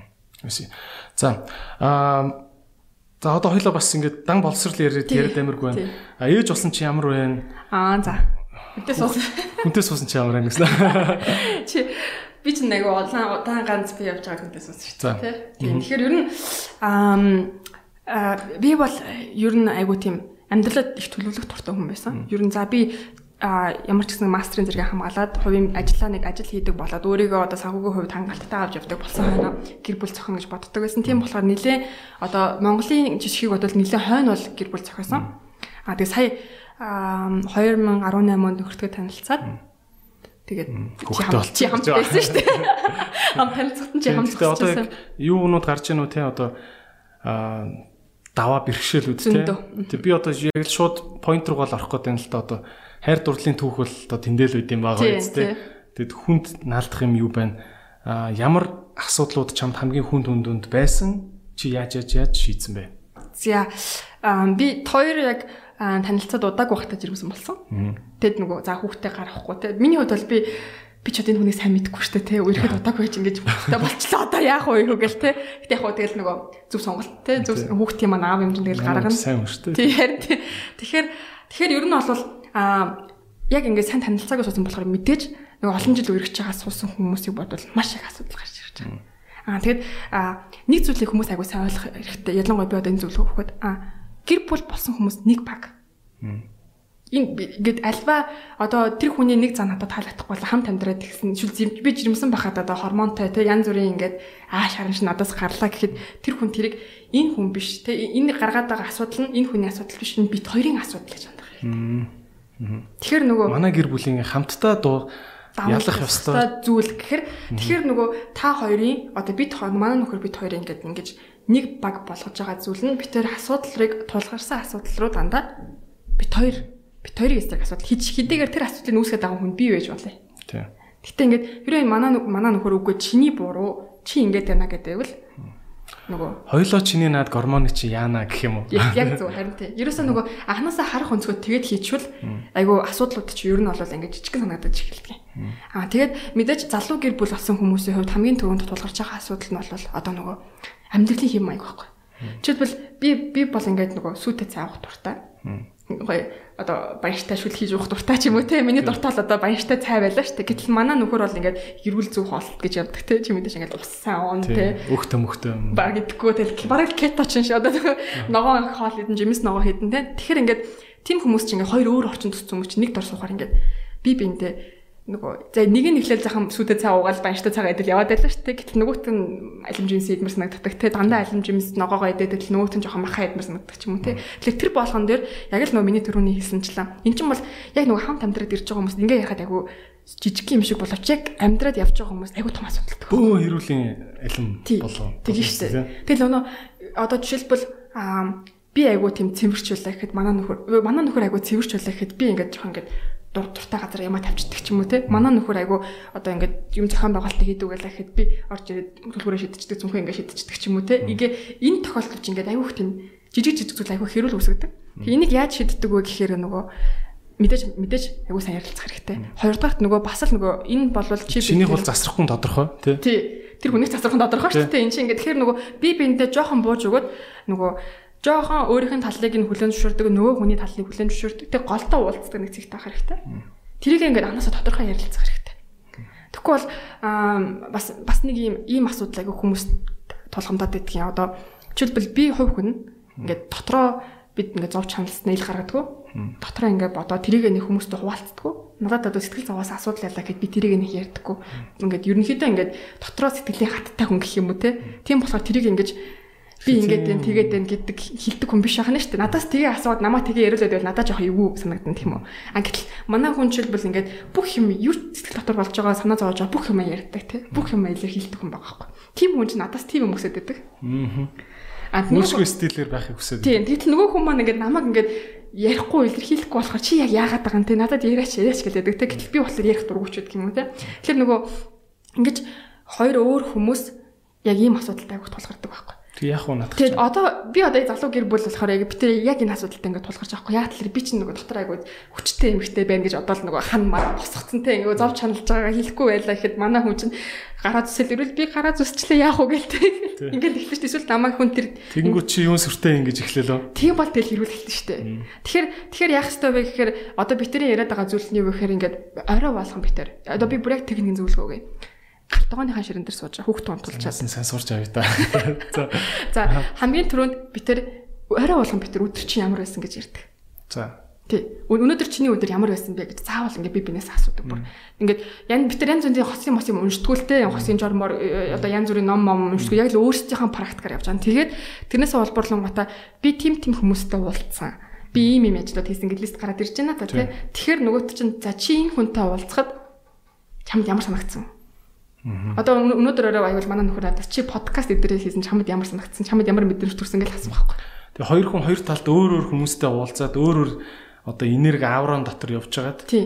тэгээд хоорондоо уулзахаараа Би хуваалцах хэрэгтэй байхгүй. өдөр болгон өөр өөр болцсон уулзж байгаа шүү дээ. байгаа. Тэгэхээр тэрийг ингээ хуваалцахаар хоёр нэг болгоод тэгээд хоёр ч нөгөө миний яриа байхад хоёр ч нэг багштэй тий асуудал эсрэг хамтдаа зогсдог хүн. Оройн тойрог гэж юм шүү дээ. Яг тийм. Орой болгон битэр хийдэг. Битэр бүр галт тогооны өрөн дээр сууж чадахгүй хорондоо орж байгаа тийм унтахгүй.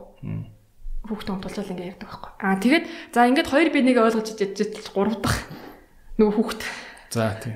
За одоо хүүхд рүү оръё.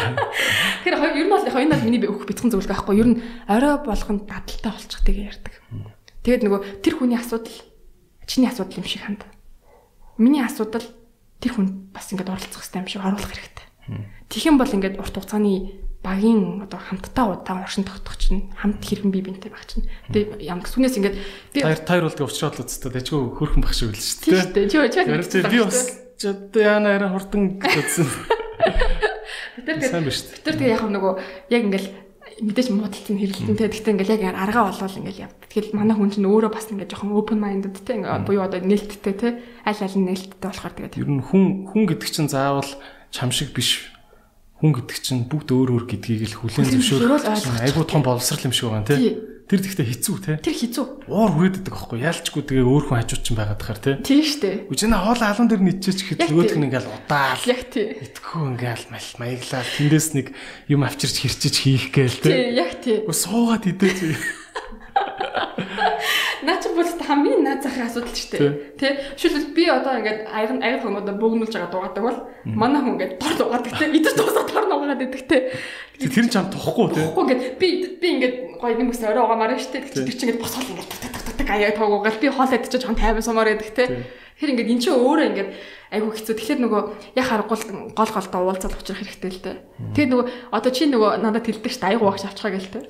Одоо ингээд яг тийм шийдэл чинь тэр байхгүй. Би тэр сууж байгаа л те. Би би нэг одоо айгу асуудалгүй шүү дээ айгу гооч те. Тийм тий. Тий. Чиж тийшээ нөгөөдөг чинь Тий, тийшээ тий. тэгэл тийм, тийм. Ер нь бас шинэ асуудтай. За би өөрөө нэг амар зөвлөгөө өгөх одоо хинбэ те. Гэхдээ гэхдээ ер нь шинэ асуудтай зөвлөхөд зүгээр хос болоод нэг герт орсон бол аяг угаагч машин заавал аваа. Үнэн шүү, Тогны чинь мөнгө бол тогны чинь бол мөнгө бол нэг үсрээд 50 мянгаар илүү гарах бах. Гэхдээ аяг угаагч бол үнэхээр хоёр хүний хоорондын тэр хэрүүл маргаан тэр овоорсон Тийм гэр орны заван новш, байдал тэр чинь байхгүй болно гэсэн. маш их нөлөөтэй тий. Яг тэр галтгооч ингээл заван байж үл чиний дургуур нөхөршин дургуур нь тэгэл анаас нэг жоохон ууртай ингээл таалагдахгүй болт ирэмбүч нөгөө би- бинес чинь гарч байгаа үг орг нь хилж байгаа үг биний чинь хандлага хилэмж энэ чинь ингээд хурцуулаад ирэхээр зүрж хасаалтай ингээл хэрүүлж эхэллээ шүү дээ тийм. Заавал аяг угаагч машин аваарай гэж зөвлөмөр энэ тий. Тийм тийм бүр лизингтэй чамаагүй авах гэж Тий, яг зөв тий. Тоос орч морч бол дараагийн асуудал Тийм тийм тийм. Ер нь бол аяг ухаж агуулж чухал. Би чамаг яг хэлснээр шин дараа авсан. Аваад одоо би тэр бүр аягүй сайхан байна. байна. Happy За ашгүй дээ, ашгүй нэг тулсан болоо. За аа, би бас явандаа чиний нөгөө Facebook-ийн ажлын чинь талаар Аа, ямар байна. Одоо өөрөө чинь өөрөө бол Facebook-ээс э, цалин авдаг одоо их л мундаг л одоо сайхан юм гэж бодлоо. За окей. Тэр талаар би дараа нь сумаар. Гэхдээ аа, бэбинийхэн талаар сумаар. За тэгвэл харилцаан дээр юм байт юм биш. Бэбитэй болсон чинь шинэ ээжийн хувьд ямар даваанууд гарч ирв? Яаж давв? Надад нэг топ 3 бол хэлчихээч За, гэж хүсэж байна. аа шинэ нэгэн дараа гарч ир хамгийн топ давааны хамгийн ихний нэг бол төрсний дараах сэтгэл готрол. Төрсний дараах сэтгэл готрол Тэр гэдэг бол жинхнээсээ байд юм уу? юу яриад байгаа юм бэ? Одоо чи бол ингэж асууснараа миний дургу хүрэх чинь гэхдээ би ингээд нээлттэй хүн байх учраас чамайг хүлээн зөвшөөрөөд төрсний дараах сэтгэл готрол гэдэг зүйл байдгаа. За. Энэ бол бүр ингээд төрснөд яг дараач үүсч магадгүй, сарын дараач гарч магадгүй, 6 сарын дараач гарч магадгүй. Тэрийг хүмүүс би тэрэнд орсон байна уугүй юу гэдгийг мэдэхгүй байдаг болохоор ингээд зарим нь ингээд одоо англиар бол табу гэж яриад байдаг байхгүй ингээд байдаг ч юм шиг байдаггүй ч юм шиг гэдэг. Гэтэл нөгөө нотлох юм байхгүй тий. тийм. Гэхдээ яг энэ зүйл бол одоо би биеэрээ тулсан хүний хувьд бол байдаг гэж хэлнэ. Аа би хувь хүний хувьд бол ингээд яг альва зүйлийг логиктэй хандах хичээдэг. Жохон ингэж ухаан ухаарч ойлгожтой за энэ ингээд нандаа гэдэг ч юм уу. Илүү сэтгэл хөдлөлөөр хандахгүй хаа хичээдэг альва зүйлд. А гэтэл яг төрсний дараа готролд орсон нь бол бүх зүйл сэтгэл хөдлөл гормоноос чи ямар их хамааралтай чинь ингээд яг ойлгож эхэлдэг. Тэгээд яг одоо ямар ямар шинж тэмдэг илэрдэг вэ гэж харъя. Одоо юм сайхан төрсөн ээж нар ч гэсэн бас энийг анхаарах хэрэгтэй. За. За а хам хүүхдээ амааргүй санагддаг. Тий. Тэгээд тэгээд одоо ингээд Төгшөөж ийн гэсэн. тий. Тэгээд дээрэс нь хорноосоо босч чадхаа болчдөг. Ингээд ерөнхийдөө Өвдөөд юм уу? Яг өвдөхгүй орноос. зүгээр л сэтгэл зүйн хувьд чи орноосоо босч чадахгүй л гэсэн Ингээд зүгээр ингээд чам босох хүсэл төрөхгүй. Чи ингээд босоод би яахан гэдэг ч юм уу те. Би бол нэг хэсэг бас бас нэг дөрвөн сартаа даа нэг жоохон эвгүй болж эхэлжсэн. Тэгэж ингээд надад ингээд нэг босох хүсэл төрөхгүй босч чадахгүй. Зүгээр ингээд Одоо нэг бороотой бороотой өдөр бүр орноосоо усмаргүй идэх шиг юм уу те? Тий. Яг хөө эрэгтэй хүн хизэж тэр туулахгүй болохоор ойлгохгүй та. Тэгэхээр ингээд зүгээр ингээд зүгээр л чамд ингээд ингээд ямар ч юу ч хийх хүсэл төрөхгүй. Зүгээр ингээд зү- зүгээр л орон тавьсан надад гэх юм те. Ингээ тэгээд Нэг шинж тэмдэг юм байна те. тий ер нь бол хэрвээ орон тавьтал level сэтгэл готролд орсон байна л гэсэн. үг. За. Ерөнхийдөө зөвхөн төрсний дараа эмгтээчүүд ч биш те. Ер нь л сэтгэл готрлын шинж тэмдэг чинь тэгж гарч ирдэг. Бас нэг шинж тэмдэг нь. Тэнгүүд дараа нь айгүй хайш муутай болж эхэлдэг. Бүх хүн ингээд чиний эсрэг байгаа юм шиг бүх хүн чамайг буруутаад байгаа юм шиг. Чи ингээд чи байхгүй бол ингээд бүх зүйл болоо юм шиг санагдаж эхэлдэг. Одоо жишээлбэл би яг дөнгөж төрж гарч ирээ дөрөв хончоод одоо манай хатан байж өмнөхөөс сайн байд гэдэг. Миний хамаг тэр нөгөө сүрэг аашны манай ингээд хатан байж дээр бууж эхэлчихсэн. Би одоо ээж дээр ингэж хэлнэ. Ягаад тэгэхээр одоо бүр тэр үед айгүй хөрхэн тавж гарсан. Яг л би ингээд бүх тэр хүний ингээд э, одоо надад гарч байгаа бүх сүрэг аашаа тэр хүн дээр ингээд гаргадсан байхгүй. Та ингээд энэ, та ингээд энэ, та намайг ингээд энэ тэргээд те. Тэгээд ингээд түнгүүд манай манай хатан байж одоо манай нүхтэлсэн байгаа байхгүй. Төрчний дараа сэтгэл хөдлөл гэдэг зүйл байдаг юм аа. Ийм үнд нөгөө ир нөхөр эргэн тойрны хүмүүс нь сайн хайрлж халамжилж ингэж бөөцөлөхгүй болвол одоо ингээд эмэгтэй хүн бүр амиа орлох хүртэл хэмжээнд явдаг гэж байгаа байхгүй. Дөнгөж төрчөөд нөгөө одоо ингээд нэраа хүүхд Тим юм бол гарсан шүү дээ. Кейсүүд гарсан шүү дээ. Тийм. Аа, эмнэлэгт байж байгаад. Залуухан ээж тий. Тийм хүүхдүүд дагаа цонхор өгдөг ч юм уу те эсвэл янз бүр юм. Ингээд тэгэхээр айгүй харамсалтай зүйлүүд айгүй их болдог. Тэгээд тийм а гэтээ яг надад ямар зүйл нөлөөсөн бэ гэхээр би а төрсний дараах сэтгэл хөдлөл гэдэг зүйл байдаг юм байна гэдэг уншицсан байсан төрхөөс өмнө. Тэгэхээр би нэг сэтгэл зүйн хувьд ингээд за надад туулж магадгүй хэрэв ямар нэг асуудал бол энэ явж байгаа. А энэ зүйл давтдаг шүү. Эцэг нэгэн цагт дуустдаг шүү гэдгийг ингээд мэдчихээр ингээд арай нэг бас гайгүй. Одоо би орон давтаж байхдаа яана би гутрал тарцсан байна гэж бодож байгаа шүү дээ. Гэхдээ би за энд дууснаа те. Чи ч уг нь бол гутрахаар эмхтэй хүн биш шүү дээ. Миний мэдхээр тийш дээ. одоо миний мэдх хамгийн л цоглог эмхтэйчүүдийн нэг шүү дээ. Ер нь тийм нэг хүчтэй те. Тэгэхэд ингээд чи орноосоо босч Чи ч юм бол ингээл ирчүүд дунд л алцаад байдаг шоуддаг стил. Стил юм шүү дээ. Тэгсэн чинь чи тийм модтой тэгээ намайг тэг хөвтөж ингээд тэгэхээр энэ байдаг байхгүй. Би тийм болохоор хүүе яг байдаг юм байна гэдэг чи ингээд өөрийнхөө биеэр тулч яриад байгаа байхгүй. Тэгэхээр ялангуяа ээж нар Аа тэгэхээр яг энэ зөвлөгөө бол ээж нартай биш хүн эмэгтэй хүн чинь ингээд хүүхдтэй гаргалгаа хамгийн гайхамшигтай зүйлийг бүтээлээ хүн бүтэн гэдэг чинь хамгийн том одоо гавьяа штэ. Тэгэхээр тэрийг нь эргэн тойронд байгаа хүмүүс нэгдүгээр төлөөн зөвшөөрч. Битгий аа хүн төржил байдаг юм чинь яавал гэж гэдэг комент Өөрөө өөртөө хүүхд төрүүлчихэд хин чамаг очиж хамгаалтгүй секс гэсэн. Бараг тэхүү. тий. Арай чанга. Тий байгалах л да юм. Бүр тэгж бараг тэгж харьцаж байгаа ч тэгвэл бараг байгаа илүү тий. Гэтэ нөгөө надад бол жишээлбэл нэг хүн жилсэн байхгүй тий. За за юу хүн болгон төржүүлээд юм чи миний дүү гэсэн байхгүй. Би бол дотор ингээд өөрийгөө би ч өдөртөө хүн тэгээд 10 сар тэгээд ингээд өвдөө зовоо гаргачлаа гэж бодож байгаа гавья байвалсан гэж бодож байгаа хүн тэгээл чирч ингээд сонир бидтэй тий. Тэгэхээр тэгж бит хамгийн түрүүнд гэж битгий хэлтэй. Энэ чи үнэхээр л айгу зовж ингээд 10 сар тээж тэгээд хоёрыг яс сална гэдэг чи айгу хөвдөн өвдөл зовлон туулж байгаа юм чинь гавьяг нь өвөлтө хүлэн зөвшөөр. Тий. Тэгээ тэгээд тэгээд тэрнийхэн дагуу хайрал те эргэн тойрны байгаа хүмүүс нөхөр ээж аав дүү нар хагч нар нь те. Тэнгууд нь муухай ааштай дэвэл яасан муухай ааштай одоо залуу гэр бүлүүд аягүй би ингэж боддог ингээд нөгөө хүүхд гаргачаад нэг салцсан малцсан гэр бүлүүд байгаа гэдэг чинь би бодохдоо эхнэр нь ингээд нэг жоохон яг нөгөө төрсний дараах сэтгэл готрол болоод байдаг. Нөхөр нь тэрийг ойлгохгүй. Энэ муухай ааштай байна ингээд муухай ааштай болчлоо Анх сууж байхдаа стол хөрх охин байсан гэж мэгэл тий. Тий. Гэтэл нь магадгүй нөгөө сэтгэл готролд орсон нөгөө тэр чинь угаасаа л тийм ааш явдаг байхгүй бүх юм таалагдахгүй бүх юм муухай санагдана. Чиний хийж байгаа надад ингээд хоол аваад ингээд тавчирсан ч гэсэн надад таалагдахгүй ингээд тавчихгүй яасан гэж бодогдсон те. Ингээд халбах сэрээд өгөхөөсөн чи халбах өгсөн чинь сэрэг нь дутуу өглөө гэж бодож уурлан ч юм уу тэнгэл жижигэн жижиг юм дэр чи ингээд чи гараад тэрийг илэрхийлэл те. Тэнгүүт нь яасан муухай шулам шиг ааштай ингээд нөхрүүд нь цал авчт юм болов уу гэж би боддог. Гэтэ бас мэдгүй л та янз бүрийн бас байгаа л да. эмхтэй хүн айгу ганцаардаг юм шиг л ч тэг төрсний дараа нэгдүгээр ажлынх нь goodbye. Найз нар нь хинч залахгүй. Аа нөхөр нь тэгээд Ажилдаа яваад орой ажилдаа яваад аа, мөнгө олж ирнэ гэдэг нэрийдлэр ихэнх нь байхгүй. Тэгээд гэртээ үлдэхээр өстой хийх ажилгүй хов бааздаг.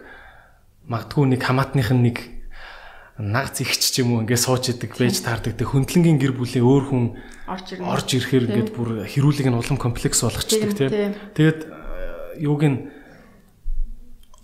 заримдаа нөгөө техник хадам гэдэг үг жоохон онцгой сонсгдээд юм шиг тийм. Тий, би бол ээж ээж гэж ярьдээ. Би тэр нөгөө аав ээж нь Тийм. бас ингээд яадгүй тийм. Нөхөртөөгөө ямар харилцаатай байгааг нэг хөндлөнгөөс хардаг болохоор дутуу ойлгоод бас нэмж ч юм тийм. Тэгж ойлгоод идэв шүү. зөв ерөнхийд бол амар зөв. Тэгэхээр нөгөө яг иймэрхүү асуудал бол угаасаа байгаа. Ямар ч гэр бүлд бол байгаа. Яг ингээд ялангуяа гэртээ суугаад хүүхдээ хараад суuna гэдэг бол яг нэг бодлын их хүнүүд бол гоё ажил. Тэр нөгөө бодлыг нийгмээс тасарч байгаа. Тэр би нөгөө хоёлаа түрүүн хамгийн их карьер сонголтын дээр ярьж байхад тэгээ хүмүүс чинь ингээд альва зүйлээ нэг хэсэг байх туртай, нийгмийн харилцаанд орж исэн дээрээ тэгжсэнээрээ ингээд одоо дандаа онлайнаар хичээл аваад өнийг өрөөнд суугаад байвал сэтгэл зүйн асуудал үүсээд байна гэдэг чтэй. Тэрнтэй адилхан яг гэртээ хүүхдээ хараад хоолхон суугаад байвал тэр чи өөрөө ингээд нөгөө яг бусдаас тусгаарлагдчихж байгаа. Тэгээд ирэхээр хүн бусдтай үзэл бодлоо хуваалцахгүй болоод ирэхээр ерөөхдөө нөө сэтгэл зүйн асуудлууд үүсээ. Тэгээ орой гэрж байгаа нөхөр нь нөгөөх нь ойлгохгүй болохоор ингээд хэрэлдэж уралдсан чинь намайг ойлгохгүй нэг тэгэхээр тэгэхээр яг ийм гэрч сууж байгаа ээж нарын хувьд бол аа үнэхээр хамгийн их асуудал юм. Аа тэгэд одоо яг гэтээ би одоо яг өөрхөн жишээгээр ер нь технологи хөгжөөд дэлхийн ертөнц хөгжихийн хэрээр сошиал медиа хөгжиж байгаа. Тэгэд ирэхээр яг би жишээлбэл 2019 оны 12 сард төрсэн ээж нарын группт байдаг. За. Тэнгүүд яг тэнд ингээ Facebook групп баггүй? Яг тэнд төрсэн төрсэн ээж нар байдаг. Тэгээ бүгдээрээ яг ингээд үзэл бодол яг адилхан асуудал туулдаг. Нэг жицэн хүүхдүүд гэсвч нэг ангийн хүүхдүүд гэсвч тэ тэгэхээр ингээд хүүе манай хүүхдийн гизэн зүрээд энэ яах вэ гингүүт манах дүрсэн манах дүрсэн манах дүрсэн гол аа бүгдээрээ дүрд юм байна ойлгочих жоохгүй. Өвөл болох өвөл дүрсэн бол хүүхдээ гадаа гарахгүй байна ингээ хамар бит үсээд энэ яах вэ шүнжэнгөө ингээд нөгөө ингээд зовж хонлоо монлоо гэх юм бол хүүхд болгоно гэж байгаа байхгүй. Тэгэхээр ингээд нөгөө одоо юм сошиал медиа хөгжихийн хэрээр ээжнэр ингээд Facebook руу ороод ингээд би би нэгэ шеэрлдэг болохоор би бас харьцангуй гайгүй байдаг юм болов гэж үзсэн. Гэтэл нөгөө бодит байдал дээр яг ийм болцоо нөхцөл бодол одоо сошиалд орж чадахгүй мадахгүй тийм ээж аав ээж нар бас байгаа дээ гэртээ сууж байгаа. Тэр хүмүүсийг бас нөгөө одоо нийгмийн ажилтан гэж байдаг бол нэг ороод шалгачих те. Ер нь яаж ийн ээж ин гэдэг нэг өрхийн имлэг байдаг бол нэг ороод ингээ явдаг ч юм уу те. Нэг тиймэрхүү жоохон хяналт. Тэгээд эргэж тойрдог. Тий найз төрүүлэл хайчдгүй байгаасаа гэж үсэж байна те. тэгээд эргэн тойронд байгаа хүмүүст нь эргэн тойронд чинь би нэг пост хийсэн байсан шүү дээ. Эргэн тойронд чинь хүүл хүүхдтэй хүн байвал цай ус заавал өгж байгаарэ гэдэг шүү дээ тэрнтэй адилхан эргэн тойронд чинь төрцөн хүн байвал заавал яа чи нээжийн орж гарч тусалж дэмжих зүйл юу вэ те аашалж байгаа бол энэ ааштай байна гэд хаялах биш те найзалж исэн бол найзаа орхих биш те тиймэрхүү юмыг тэр хүүхд гаргацсан хүн чинь гавьяатай хүн байхгүй юу да? Нөгөө хэд нь тэрийг нь хүлэн зөвшөөрөөд хайрлаад ингээд нэг сайхан тойголцолтой ингээд тандаа төрөхгүй штэ те энэ нэг юм юу юуг том гиз чирээд энэ төр гэж юм аим муухай ярьдэн штэ те тэгж болохгүй байхгүй юу? Би бол одоо яг өөрөө төрсэн болохоор би бол ингээд яг ингээд ингэж ээж нарыг бол үнэхээр гавьяа байгуулж байгаа юм үнэн баггүй Чи нэг хүүхд төрүүлж гавья байгуулсан юм шиг яагаад ингэж суугаад байгаа юм гэдэг. Зүг штэ гавья байгуулсан тийм хүүхд төрүүлсэн чинь гавья те. Ээж нарт тэрийг үлэн зөвшөөрөөд нэг хэрэгтэй байхгүй те. Тэгэхээр манай нийгэмд заримдаа нэг юм амар чухалчилж авч үзэх ёстой юмыг айгүй тийм юм байдаг л энэ төр гэж тоохгүй харьцдаг тийм. Тэр нь ингээд язордоо ингээд айгүй юм өгшсөн проблемны тий. Ер нь бол үндэс болт юм шиг. Тийм яг тийм байхгүй. Тэгэхээр энэ нэг юм одоо хөгжиг хөгжлийн хөгжлийн чиг хандлага хүмүүсийн одоо төлөв гэдэг зүйлүүдийг ингэж ойлгуулж ингэ янзлах одоо тийм ингэ ингэж мэдрүүлэх хэлэх хэрэгтэй байгаа. Боловсруулах хэрэгтэй байгаа байхгүй. Энд чинь өөр ахаал нэг бас нэг том боловсрал байхгүй нөгөө ингэ жирэмсэн хүнийг ингэ стат хийх хэрэгтэй, төрсэн хүнийг ингэж одоо дэдлэх хэрэгтэй ч юм уу. Гэхдээ өөр ингэ түүх хараад ахаар ер нь бол айгүй тийм гоё байсан юм санагдаад тийм би одоо Эрдэнэ сан спорт гэдэг ном уншиж байгаа байхгүй жоохон багтаа. Тэгэхэд ингээл харахад яг харахгүй л ингээл төрсэн эмэгтэй хүнийг амар хайрладаг хамгаалдаг тийм ингээл дээдэлдэг энэ байсан. Тэгээ явцсан дундаа ингээд нөгөө нийгэмшилчих үед ингээд юм өөрчлөгдөөд хүмүүсийн энэ төрлийн хандлагууд нь ингээд бас өөр болчихсон юм болоо да гэж бодоод. Одоо тэгээ бид нар буцаад гоё тэр чиглэл рүү явбал гоё лэн тийм. Тийм тийм. Би нэг хайрлаа хөршиг хайрлан тэр. Тийм тийм.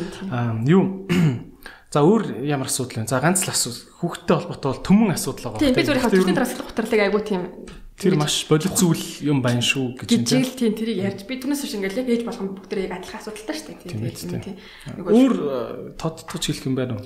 Тэрнээс өөр. Аа яг юу л юм да одоо эмэгтэй хүмүүс юм баггүй малин Монгол эмэгтэй хүмүүс. Нөгөө хурдуур норж агуу хэм хийдэг. За. Тий. Аав гэдэг хүнд үүрх ёстой ачааг нь үүрүүлээд. Би яг надлаар чинь пост бичээд бүр Гэхдээ ихэнх нь дэмжсэн. Гэхдээ бас л алуулсан. Ирчүүдийгээд оромжлоо энэ төр гэдэг. Гэхдээ тэр тэгж хүлээж авсан юм яах те. Тэгэл байхад та чиний поинтыг сонсъё. Тий. Ерөнхийдөө хойлоо энэ чинь ярьж байгаа чинь би бол нөгөө подкастны чинь гол зорилго бол яг ингээ орж байгаа зочдын чинь л харах үнцгийг ер нь гаргах сонирхолтой шүү дээ. Тэгэхээр би хин нэгэнд таалагдуулах га ярих юм бол айгуу генерал яриад дуусч шүү дээ. Ерөнхий яриад дуусна те. Тэгэхээр а ерөнхийдөө бол а Монгол эмэгтэйчүүдийн ер нь миний ингээ ажигласнаар айгуу их тийм ачааг өөрсдөн дээр өөрч авдаг. Тэгэд нөгөө өө ир хүн чинь одоо ингээд юу ажил хийж мөнгө олох хэрэгтэй, арга гэрээ хийж хэрэгтэй. Ялгаагүй шүү дээ. Эрэгтэй эмэгтэй аль аль нь оролцоод хамтдаа амьдрал босгох явж байгаа аль аль нь ажиллах хэрэгтэй. Гэхдээ өнөөдөр хүүхд гаргачвал тэр хүүхд чинь эмэгтэйгийнх нь ганцхан хариуцлага биш байхгүй юу? Бас адилхан эрэгтэйгийнх нь хариуцлага байх хэрэгтэй. Хэн өнөөдөр аав нь ажиллаа хийж мөнгө бол ээж нь гэртээ сууж хүүхд хар гэдэг одоо ингээд дүрм цохоогоод энийг даг битгцэн. Тэ магадгүй аав ээж нь хоёул хамт ажилтаа явдаг, хоёул хамт хүүхдээ хардаг гэж хамт хүүхдээ өсгдөг. Тэгэхээр би юу гэж хэлэх гэдэг нь вэ гэхээр маш их эмэгтэйчүүд ингээ хүүхдийнхээ одоо хүүхдтэй өсгөх юм ингээ өөрсдөн дээр авдаг. Одоо памперсын солих, хоолнд оруулах, бор хоолнд оруулах. Нөхрийгөө дээдэлж ин мэдэлж ин ч юм уу нэг тийм сон сон өгнүүд хэрэглээд яваад байдаг те. Тий, яг хөө мэдээж хатуу ухаан бол байх хэрэгтэй. Би бол тэрийг бол жоохон жоохон ингээд учиргүй ингээд шүтээд явдггүй ч гэсэн бол ойлгож дэмжих би бинийгээ хүндлэх. Тэр чинь нэг би бинийгээ хүндлэх нөхрийгөө ойлгох те нөхрийнхээ цайны дээж хийж өгч мөх. За тийм юм байл. Тий, нөхрийнхээ тал зогсох те нөхрийгөө дандаа ингэж хийх чагаа зүйлийг нь хорж цагаалахгүй дэмжих тэгэл цаашаа өсөө яа тулгуур би бинийгээ тулах те. Тийм ямиг бол ингэ чинь эмхтэн хүмүүс чи илүү эрхтөнөөс илүү уян ингээд хийдэг болохоор би бол тэр талыг бол окей байх ёстой зүйл гэж боддог. А гэхдээ өнөөдөр хүүхд үсэх асуудал дээр энэ ч одоо хүүхд үсэхгүй дахиад нэг хүн хийх гэдэг нь шүү дээ. Энд чинь бизнес босгохоос өөр зүйл байхгүй юу? Аа эрэгтэй эхнэр нөхөр хоёулаа хамт нэг ресторан ажиллуулахаас өөр штэ энэ чинь ингээ хүн босгож байгаа тохиолдолд хоёр хүний хойлонгийнх нь оролцоо заавал хэрэгтэй. Тэгэхээр магадгүй нөгөө аав нарыг заавал ингэж хүүхд төсөх процесстаа заавал ингэж оруулах хэрэгтэй. Би айгүйх ингээд жишээн дээр ингээ харж байхад ээж нар ингээд өөрсдөө зүтгэдэг. Яг манай нөхөр ингээд ажилтаа яваад орой ирээд хүүхдээ аав гэлтэй. Яг ингээд одоо ингээд цаашлаа тараад ирсэн бол 7 цагаас хойш 9 цагийн хооронд чи хүүхдээ харна тэр хооронд тэр баа нуу памперс солно уу уйл нуу харгал нуу э, сүгэн үгнүү те аавд эмхтэн өмшгөл ялгаагүй оролцтой. Яг эмхтэн өмшиг оролцох хэрэгтэй байхгүй. Түүнээс хин өнөөдөр би хөхүүлээ чи аавд юм чин паста давг нуугаа гэдэг юм хуваар зааж өгсөн те. Гэтэ яг мэдээж ингээл гэр бүл болгон өөрсдийн гэсэн нэг аюутайгаар штэ те амьдрах юм маягтай. Гэхдээ эрэгтэй хүнийг бол би энэ юунд бол хүүхдийн хөгжилд бол заавал оролцуулах хэрэгтэй гэж боддог. Аавын оролцоо. Ажил хийж мөнгө олдог нь хамаагүй тэгтэл өсөх ёстой өсөх ёстой хоёр хүний хоолыг нь хариуцлага Окей. Тий хүүхд гаргачаад хал сая авсан. За таарч тохирхоо байгаа саллаа гэж боддог тий. Гэтэ тэр хүүхдийг өсгөх нь хоёр хүний хоёулыг нь хариуцлага учраас салж таарч тохирохгүйсэн ч гэсэн өсгөх процесс нь заавал оролцох хэрэгтэй нэлээд шийдвэр гаргахад заавал суух хэрэгтэй. Магадгүй э, нөгөө 9 сар нэг хичээлд орлоо. Би тамирын хувцас авч өгөхт нь хүртэл сонголтод нь хамт оролцохчихсан юм уу. Те хизээч ингэж Монгол эмэгтэйчүүд минь битгий те би ингээд ганцаараа хүүхдээ үсгээ авчин би хүчрэг эмхтэй би мундаг эмхтэй эрэгтэй хүнгүү би амьдрч чадна энэ төр гэд тэ нөгөө аавыг нь оролцуулахгүй ч юм уу тэ ингээд иймэрхүү битгий гаргахтай энэ бас ингээд ирчүүд нь ч гэсэн миний өр удам тэ миний хариуцлага гэж бодоод ингээд заавал оролцох хэрэгтэй. Ер нь ээж аав нар бол тэрийг бол ингээд ер нь өөрсдөндөө болон ирээдүйдээ өр удамд оруулж аягүй том хөрөнгө оруулалт гэж бодох хэрэгтэй. За энэ хүн чинь бүр их хүн болоод Тэр чинь бүр ядаагүй яриа. Айхтар болчээ бүр. За за за. Окей мэдээч тэ энэ бол яг мэрэгчлэлтний зөвлөгөө биш. Яг тэ манай зочны тийм манай зочны л өөрийн үзэл бодол шүү. Тэгээд манайх бас Аа тэгтээ гэр бүлийн асуудал дээр ингээд зүгээр нэг интернетээр подкаст үзээ шийдчихэн ч гэж юу аах вэ? Тийм маш сайн судалгаагаа хийж байгаа. Ялангуяа залуу ингээд дөнгөж гэр бүл болсон. Одоо ч ерөөсөө 23 4-т залуучууд ингээд хоорондоо суугаад гэр бүл болчиход шүү дээ, тэ. Тэгэхээр тэгэхээр та нар минь маш олон ярилцлага үзэж маш олон каунслинг авч те бүр ингээд хамтдаа зөвлөгөө мэрэгжлийн зөвлөгөөнүүд их авч байгаа ч те гэр бүлийг нэг зүгээр нэг юм аман яриагаар те айл гэр зэрэг тоглож байгаа юм шиг бодож тийм нэг аман ардын яриагаар зөвхөн ардын яриан дээр үнсэлж битгий гэр бүлээ авч яваач гэж бас уриалмаар байна. За юу вэ? Аа өөрөө бол Forbes 30 under 30 гэдэг. За. Тэгээ Forbes Азийн Азийн 30-аас тийм Монголд бол яг Монголын Forbes-ийн нөгөө 30 нас хүрээг хүрэж амжаагүй байгаа 30 амжилттай залуу энэ төр гэдэг шүү дээ. За би бол тэрэнд бас шалгарч ирсэн. Гэхдээ гэхдээ манай найз чинь болохоор Азийн юу те яг Asian Азийн олон улсын 30 наснаас доош 30 30 бизнес эрхлэгч нар. Гэхдээ дотроо олон салбар байгаа. Миний болохоор одоо англиар social responsibility буюу нийгмийн нийгэм рүү чиглэсэн үйл ажиллагаа хийдэг бизнесмэнүүдийнх нь 30 гэсэн үг Аха. Аха. За тэгвэл энэ энд одоо яаж шалгарсан бэ? Энэ шалгарснараа одоо чамд ямар одоо давуу тал ирж байгаа. Ер нь ингээл баахан шагнал гоншингууд байдаг штэ. Тим ч өмнө шилдэг юм боллоо. Азийн шилдэг юм боллоо гэлээд энэ цаана юу гэдэг юм? Худлаа бизнес байд юм уу? Эсвэл цаана үнэхээр ингээд мангар том нэтворк байд юм уу? Энэ Forbes-ийн цаана юу вэ? Аха. За, ер нь бол а за би яг бүр эхнээс нь ярьж өгсөн дээрх ягаад Forbes рууч би ер нь бас энэ талаар нэг их юм ярьж мэрж ингэж энэ тэнд ярилцлагын танд хөгсөн санагдахгүй байна.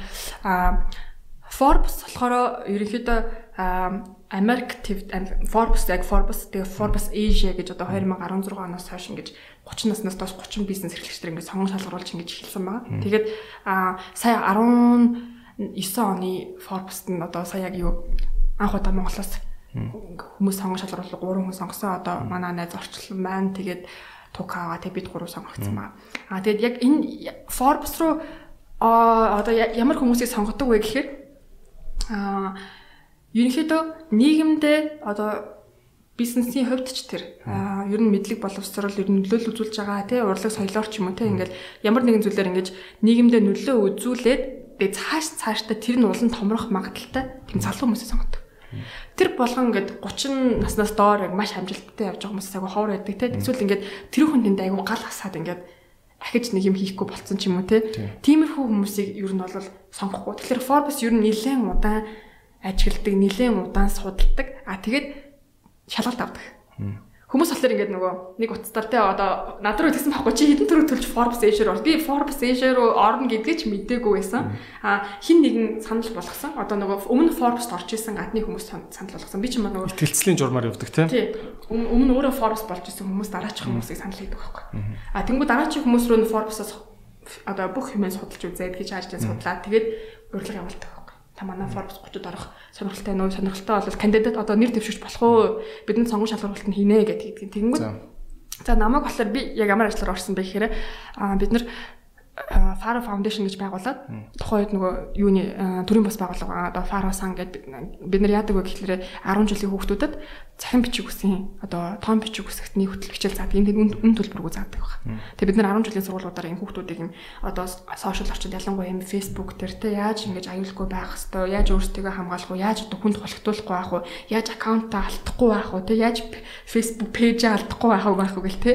Бүх тийм сургалтууд үн төлбөргүй ордог. Бид нар ч өөрсдөө нөгөө Facebook Онлайн орчинд өөрийгөө аюулгүй байлгах тэр төрлийн мэдээллүүдийг заадаг байгаа. Тэгээд тэр нь болохоор үн төлбөргүй явдаг. Тэгээд дээрэс нь манай яг нөхцөлбөрт болохоор Facebook компани яг одоо Facebook Facebook компани өөрөөр нь хэрэгжүүлдэг захин бодлого том бичиг үсгтний хөтөлбөр байгаа. Тэгээд Facebook биднийг дэмжиж тэгээд бид энэ хөтөлбөрийн 10 жилийн сургуулиудаар заагаа авдаг. Тэнгүүд аа, яасан бэ гэсэн чинь энэ өөрөө айгу тийм шин тренд байгаа даа байхгүй. Одоо digital literacy гэж хэлээд байгаа байхгүй. Тэнгүүд нөгөө Монголд одоохондоо дижитал литерси гэж яриад байгаа хүмүүс нөгөө одоохондоо байгаагүй. Тэгэхээр нөгөө Монголд анх удаа яг энийг ингэж ярьж ингээд зааж ажил хэрэгж болж байгаа нь өөрөө Forbes-ийн анхаалыг татсан байгаа даа. Тэгэхээр түүнээс биш би одоо ингээд математик шинжилгээ ухаан, математик шинжилгээ ухаан яриад байсан бол анхаа нэг ингээд энэ тэгэхээр шин цаг үеийн сургууль соёлын зааж чадахгүй байгаа төрлийн боловсролыг түгээснийхаа төлөө яг тийм. Forbes-ийнхний анхаарал төрсэн юм байна. Тэгээд За, тэндэрс нь дараа нөгөө ингээд тэгээ анхаарал татаад санал тавиа шалгалт авчаа. Шалгалт нь аягүй сонирхолтой. За аа мэдээж ингээд нэр усаа явуулаад төгс өөрийнхөө ингээд би одоо танилцуулгаад бичээл хүсэл мөрөөдөл ямар хүн бэ те гэдэг ингээд бичээл ингээд явуулж байгаа. Гэхдээ ингээд аягүй гой гой асуултууд асуудаг. За та өөрийгөө супер баатраар дүрслүүл хинбэ? Wonder нөгөө Wonder Woman ч одоо монголоор гэдэг лээ нөгөө гайхамшигт бүсгүй яа. Нөгөө одоо яг Iron Man биш үү? Одоо төмөр хүнтэй Batman юм уу? Те эсвэл Hulk юм уу? Те нөгөө ногоон хүн юм те эднэрээс та аль нь вэ гэлдэг ч байгаа. Тэнгүүд нь тэгэл би ч одоо эмэгтэй явж Wonder Woman гэл дараа явуулж байгаа. Те. Дараа нь тэнгүүд ингээл за танд ингээд нэг цаг нэг хүнтэй ярилцах цаа гарсмал хинтэй ярилцах гэсэн. Тэгэл хүмүүс ингээл бийл гээд хүмүүс ингээл бийл гэдс ээж аав маа гэж сонгодгийн байна л да. Аа, Би бас нэг өөрхөн мөрөөдлийн хүндээ битсэнтэй ингээд гадаад хүнэлтэй. Тэгэл тэрний дараа ингээл таны дуртай өнгө чи юу вэ? Гэл те. Тэгэл Сэтгэл зүгийн тагнаад байна те. нөгөө soft skill гэж хараад байгаа байхгүй. Тэнгүүтээ хар- харангуутаа одоо ас- асуудал шийдэ. Ингээд иймэрхүү иймэрхүү асуудал бол яах вэ гэдэг ч юм уу тийм. Одоо надаас жишээлбэл ингээд түрүүний нөгөө термодинамикийн хоёр Ньютоны хоёр дахь хууль юм аа гэж юм уу тиймэрхүү юм асуучих байгаа байхгүй. Тэгэхээр энэ хүн яаж хариулж байгаа гэдэг ч юм уу тийм. Үгүйс чадахгүй гэдэг чинь мэдсээр ич зүгээр л яах нь ч чинь харж байна те. тийм юм асууж шүү дээ. Тэр чинь өөрөө нөгөө дал санаанда энэ юу н асуудал өгөө шийдэж чадах юу гэдэг. Problem solving skill буюу англиар одоо тэгж хэлдэг. Яг асуудлыг хэрхэн шийдэж чадчих вэ? Энэ чинь өөрөө айгүй том том юм чадвар байхгүй. Тэгээд тэдний үдсний дараа ярилцлага авсан Forbes. Би бүр ингээд тэдэн царын тэдэн Сингапур тэрээд минь Forbes одоо Forbes Asia-гийн одоо нөгөө офис байгаа шүү дээ. Forbes-ийн офис дээр ярилцсан орно гэдэг ингээд юу ч тийм бэл. Тэгээд би яг Сингапурт ажилтаа явж тааран яг тэр өдөр нь боломжгүйсэн. Тэгээд би өгсөл өгөөд би яг тэр үед очих таарчнаа. Тэгээд тэр үед а ярилцлагын цаг өөрчлөх болох уу гэд. Тэгээ очиод би ярилцсан орсон. Ярилцсан орсон чинь ингээд яг Forbes-ийн эдитрүүд сэтгүүлч нар тэгээд нөгөө дараагийн яг ингэ сонгон шалралт хийж байгаа хүмүүс байдаг юм байна. Тэгэл ерөөхдөө англиар ярьж гэнэ үү одоо ингээ Аз ТV-г төлөөлөөд олон түмэнд ингээд урайлж чадах тийм одоо нөлөөлж чадах хүн болох нь үгүй юу? Ялангуяа энэ нөгөө Forbes Asia учраас нэг чиний нөгөө хүрээлэл чинь ингээ Аз болчихж байгаа. Ганцхан монголоор харах болчихж байгаа. Тэгэд ингээд чи ингээд одоо Азийн хаанч ямар ч одоо форум дээр очиж уулзахад ингээд ерөөхдөө ерөнхий ойлголттой юм аяар өөрийгөө зүгэл дээр хэлж гинүү яаж хийж ингээд ингээд шалгад юм бэл ярилцлага. Тэгэл ярилцсан дорж дуусаад тэгэл би ярилцсан дорж дуусаад би ингэж бодсон би. За би ч баг авахгүй хаа да. Яг л айгу тийм юу байсан нөгөө. Асуулт тууд айгу хүнд хүнд. Тэгээд нэг юм цаг ярилцлах асуулт гэдэг чинь би өөрөөсөө тэгж бэлдэж мэлдэж очиог болохоор ер нь бол аваагүй хаа гэж бодчихсон. Тэгсэн чинь харин сүүлд нь тэгээ тэр чинь бүр 19 18 оны сүүлээр болсон зүйл байхгүй. Тэгээ 19 оны 4 сарын 1-нд нь та ингээ Forbes 30-д орлоо гэж гараад ирсэн. Тэгээд сая 20 оных дээр бол нэ зөндөө олон монгол хүмүүсийг ингээ санал болгосон. Тэгээд энэ 20 оных дээр арай ягааг байх шүү. Энэ жаргал чинь 29 28 таа таахгүй. 28 таа Forbes-ийн тэр шилдэгч гсалт орж исэн тий. А тэгээ одоо чамд үр шим нь гарч ийн үү? гаралгүй яг. Яг хоо өчнөө олон гоё найзуудтай бол болсон байх тий. Мэдээж тий. Өөр юу болов? Аа ерөнхийдөө болохоор нөгөө Forbes орсноор мэдээж нөгөө network wrangler-ыг хүрээлж чагаа гарчиж байгаа. Ингээд одоо би Орос руу ингээд нэг юм л гэж бодсон. Одоо Орос найз байна, Япон солонгос найз байна. Хоёул нэг коронавирус өөр нэг солонгос найзтай чи нэг холбосон чи манай Forbes-ийн найз тараагүй тий. Тэгэхээр ингээд солонгосоос нэг залуу бизнес хиймээр байна гэд холбосон чи та найз байсан тий. Манай Forbes анги хөхт. Бид нар ч одоо нэг анги гэдэг байхгүй тий. Тэгэхээр ерөнхийдөө бол мэдээж тийм байгаа. Хоёрдугаарт нөгөө нэг ерөнхийдөө улс орны одоо залуу хүмүүсийн чиг хандлагыг аль зүг рүү явуулах вэ гэдгийг ингэж одоо бид нар бөөндөө жилд нэг удаа уулзаад тэр талаар авах ярилцдаг баг. Одоо өнөөдөр жишээлбэл би ингээд цар тахлын дараа гэж яриад шүү дээ. Одоо одоо бид нар нормал буюу хэвэн гэдэг үсэн бол одоо new normal те гэдэг нь юу юм бэ? Одоо шинэ хэвэн гэдэг нь юу юм бэ гэдэг ч юм уу те. Энд чинь ингээ өөрөө бид нар ингээд санаас бодол солилцож чинь те. Тийм. Тэгээд сайхан би нэгдсэн үндэсний байгууллагын яг энэ тал дээр ажлын хэсгийн sounding board гэж нэрлэж байгаа тул зүйлийн хуралд гишүүн басан байгаа. Тэгээд яг энэ үеэр бас ингээ энэ асуудал яригдчих байгаа байхгүй. Тэгэхээр энэ талаараас хоёлаа подкастны хамт үзэл бас жоохон яриад. Гэтэ ер нь бол Forbes бол нэг тийм аа мэдээж аюу амбицтай хүмүүс байдаг. Би яг одоо бүр аюу сонирхолтой фактуудыг яриа л та. Одоо жишээнүүдийг оцсон чинь ингээд одоо чи намайг ингээд аюу мундаг зундаг ингээд эрэгтэй хүмүүстэй алцаал явдаг энэ төр гэлтэй гэж штэ. Яг оцсон чи би яг өөршгөө ингээд дандаа тийм хүмүүс таарлаж байгаа. Чи аюу нормалны хүүхэн байсан байна уу? Чи өөрийг би би яаж 5 сартай жирэмсэн оцсон уулзалтан да. Тэгээ би ингээд аюу ядраад байгаа байхгүй нөгөө ингээд та та та хүмүүс ингээд аюу юм байвал би түрүүд нэг зүйлийг сайн ойлгож авсан. За за. Тэ би ингээл өөрийгөө Монголын ингээл Forbes 30-д орсон айгу яриа хөрөөтэй айгу сэргэлэн одоо айгу мундаг гэж босон чи угаасаа хинт биш юм байна. Яг над чиг 40 40 нөө хүмүүс байгаа юм байна те. Би бол тийм учиргүй онцгой монцгой хайшаа чинь те. Ер нь гээд яг ойлгож авч байгаа байхгүй те. Хөрсөн дээрээ буун те. Тийм. Хүн чинь тэгэл ер нь том юу гэдэг чинь загас загсаар зүрлэх юм бол том нуур руу явж очиж ээж л өөрийнхөө ямар ч жижигхэн жарахаа байсан ойлгож байгаа. Жижигхэн жарахаа гэдгийг ойлгодог шүү дээ. Тэр хэрээрээ угаасаа газар үдсэн хүмүүс чинь айгу дараахан байдаг тийм. Тэгээ би бол ер нь бол өөрөө яг миний өөрөө яг хувийн философи бол тийм байхгүй. Хүн бол дараахан байх хэрэгтэй. Аа бас би нэг цэнхад сурснаас ч бас энийг ойлгож авсан юм уу яасан юм. Ерөнхийдөө бол ингээд хүнд хамгийн таалагддаг шинж чанар бол даруухан байх. Хүн хичнээн ямиг чаддаг, хичнээн мундаг, хичнээн зүйлийг ойлгодог байсан ч гэсэн ингэж одоо онгороо дээрлэхүү байж болохгүй. Альва юмд юм хүлээцтэй даруухан бусад хүний хүлээн зөвшөөрсөн тий тэр хүний өнцөг чинь юмштэй гэдэг ингэж хандлагаар хандах хэрэгтэй. Би хүн одоо би өөрийнхөө багш нар найзуудаач байнг гэж хэлдэг. Даруухан бай гэдэг тий. Би чамд хэлдэг шүү дээ даруухан бай гэдэг. Унаас нь өнгөрөө шүү дээ. Би даруухан багч амар хэцүү хэцүү миний бодлоор ингээд даруухан юм хүн болгонд таалагддаг багч айгүй хэцүү чадвар шүү дээ. Үгүй мангар хэцүү чадвар. Тэр чинь нөгөө юу ахгүй юу? Чи зүгээр л би ингээд даруухан байх ёстой юм чи ингээд өөрийнхөө мөн чанарыг чи одоо чиний хувь хүний чи мөн чанар гэж байгаа шүү дээ. Тэрийг эвдэл би даруухан байна гэсэн юм зүйл биш байхгүй. Дугаа байна гэсэн үг биш үү? Биш биш. Чи ярьдгаар яриа хийдгээ хийн даруухан байна гэдэг чинь би чамаас илүү чи болохоор чи надад бүхэлц гэдэг хандлага биш байхгүй. Аа зөв. Тэрнээс биш би бол лаг чи ч гэсэн лаг шүүгээ явж болох юм байна. Би лаг бол чадсан юм чинь чи ч гэсэн чадна гэдэг одоо орон зайг нь үлдээ хүлэн зөвшөөр. Магадгүй би 28 наснда Forbes ороод мундаг байлаа гэхэд 35 та хүн надаас сайн миний насан дээр ирээд магадгүй биш одоо 35 настай хүн те илүү сайн байх юм байна. Forbes 35 нь бүр амар ангид нь орчих юм билүү гэж үү? Тэр нөгөө жишээлбэл одоо би нэг хүнтэй ярилцсан орлоо гэж уулзлаа гэж бодъё те. Тэгтээ тэр хүнийг би би чи надаас толгойн дөр шүү те. Би ингээд би чамаас илүү болохоор би чамаас ингээд чи надаас суралцсан юм. Одоо би англи хэлний багш нарт хэлдэг зүйл байдаг. Би англи хэлтэй чамаас илүү болохоор чи надаас суралцсан гэж хандлага ерөөсөө гаргаж болохгүй. Би англи хэлийг сурч чадсан чамд ч гэсэн англи хэл сурч чадах чадвар нь байгаа. Тэр орон зай тэр хугацаа нь байгаа. Чи жоохоо хичээчих тэгвэл чи англи хэлтэй болно. Энийг би нөгөө гой даруухан бай. Бусад орон зайг нүг гэдэг. Түүнээс биш нөгөө зөөгч зөөгчөө Тэ би олны тань лидер байна те чи надад үйлчил Тэ би тэгтгүй шүү юм. Буруу жигшээ явж шүү. Тэгвэл Магадгүй тэр зөөгч чинь чамаас мундаг комедиан, чамаас мундаг entertainment болох юм баг гээ. Тийм шүү дээ. Тий. Тэгэхээр нөгөө би хүмүүсээс одоо сурагч нартай хэлдэг ерөн тойрны хүмүүстэй байнга гэж ухаж ойлголдог зүйл нь энийг дарах юм гэдэг байхгүй. Аа за за за. Окей. Наа ч бол надад айгүй гоё томьёолол санагч байна. Би ч гэсэн бол надад ч ухаж ойлгоогүй юм байсан байна. Ер нь яг яг хуу тиймэрхүүг айгүйх сонсогддог байхгүй өдрөө ингээл тэ одоо яг хуу ингээл тайз майсан дээр гараад эн чин даруухан байхгүй байхыг аргагүй шүү дээ. Чи тайзан дээр гараад ингээд 200 хүн ингээд бүү гоё шүү гэд ингэж яхад яаж даруухан байх юм тийм шүү дээ. Тэгэхээр даруухан байхыг нөгөө ингээд дугаа байх ингээд чимээгүй болохтой андуураад идэг байхгүй. Биш биш биш байхгүй.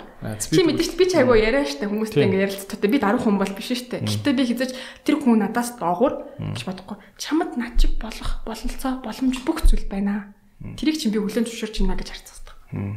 Тийм ээ. Эсвэл чи надаас лагаа гэж те. Тий. Гэтэ худлаа бас хүний хөргөж чи надаас лагаа гэдэг. Окей. Тэр нь бол иймэрхүү юмыг бол яг Forbes дээр ойлгосон бас ер нь ингэж байх хэрэгтэй байна гэдгийг энэ өөрөө айгүй тийм зөв хандлага юм байна гэдэг одоо өөрийнхөө мөн чанарыг ойлгочихсон гэсэн үг. Надад Forbes-ийн бас амар нэг хийгээд байгаа зөв юм нь юу санагтаад байгаа гэхээр Forbes зүгээр чамд ингээд сайн мундаг байна маа гэж чагнал өгөөд 100000 доллар өгвөл өгчин те. Чи тэрүүгээр нь ингээд нэг хэрэгтэй юм хийвэл хийн. Надаа ингээд ямар ч юм мөнгө хөрөнгө зарцуулахгүйгээр зүгээр энд байгаа сайн хүнийг энд байгаа сайн хүнтэй уулзуулж өгөх нь өөр айгүй том буян байгаа байхгүй. Тийм шүү дээ. Тэгснээрээ юу Forbes чам чагнал гардуулахаас илүү амьдрал чирэг болно шүү. Тэгин тэгин тэгин. Одоо тэгэл сайн хүмүүс хоорондоо уулзна гэдэг чинь өөр айгүй том аз байгаа байхгүй. Тийм.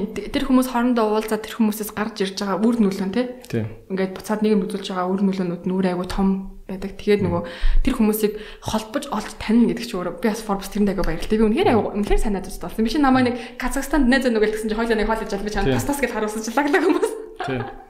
Тэр чинь тэгээд лагл юм шиг үлээ тэгээд.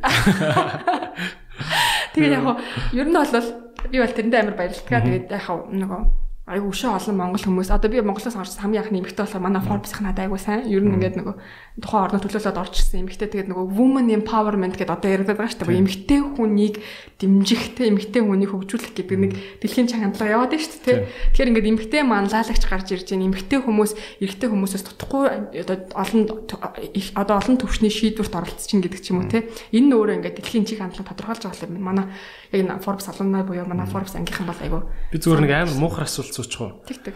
Одоо нэг ингээл за gender menders-тэй эмэгтэйчүүдийн тэгш ирэх мэрх гэл ингээл ярахаар Facebook дээр би хаяа нэг ийм комент уншдаг байхгүй. Гэхдээ би өөрөө тэрэнд нь амар уран хариулчих чадахгүйгээр за. Чамд хариулт нэж магадгүй. Монгол эмэгтэйчүүдийг даварсан эмэгтэйчүүд таана байгаа. Тэ? Энэ арабууд эмэгтэйчүүд чинь ингээд нүрээс гарах ирэхгүй ингээл явдсан юм багчлаа. Монголд ч тэгэл хамаг л имийг эмэгтэйчүүд бадж шít юундаа нэг эрхэн зөрчигчлөө гэд тэгээд дагаа гэд иймэрхүү юм. Би бол комент уншижсэн. Чи энэнд юу гэж хариулах вэ? Эмэгтэйчүүдийн одоо энэ эрх тэгш ирэх оролцоо гэх үү те? Тэр юм Монголд яг гоё байгаа мó муухай байгаад байгаа мó болохгүй байгаад байгаа мó ер нь ийм ийм юм. За. Эхлээд хоёлоо энийг өргөн цар хүртэл хүрээтэйгээр ярилцсан. Энэ бол бүр манай ардчлалтай холбоотой болж байна. Тий за. Одоо одоо том зургаар ярина гэх юм бол тийм үү.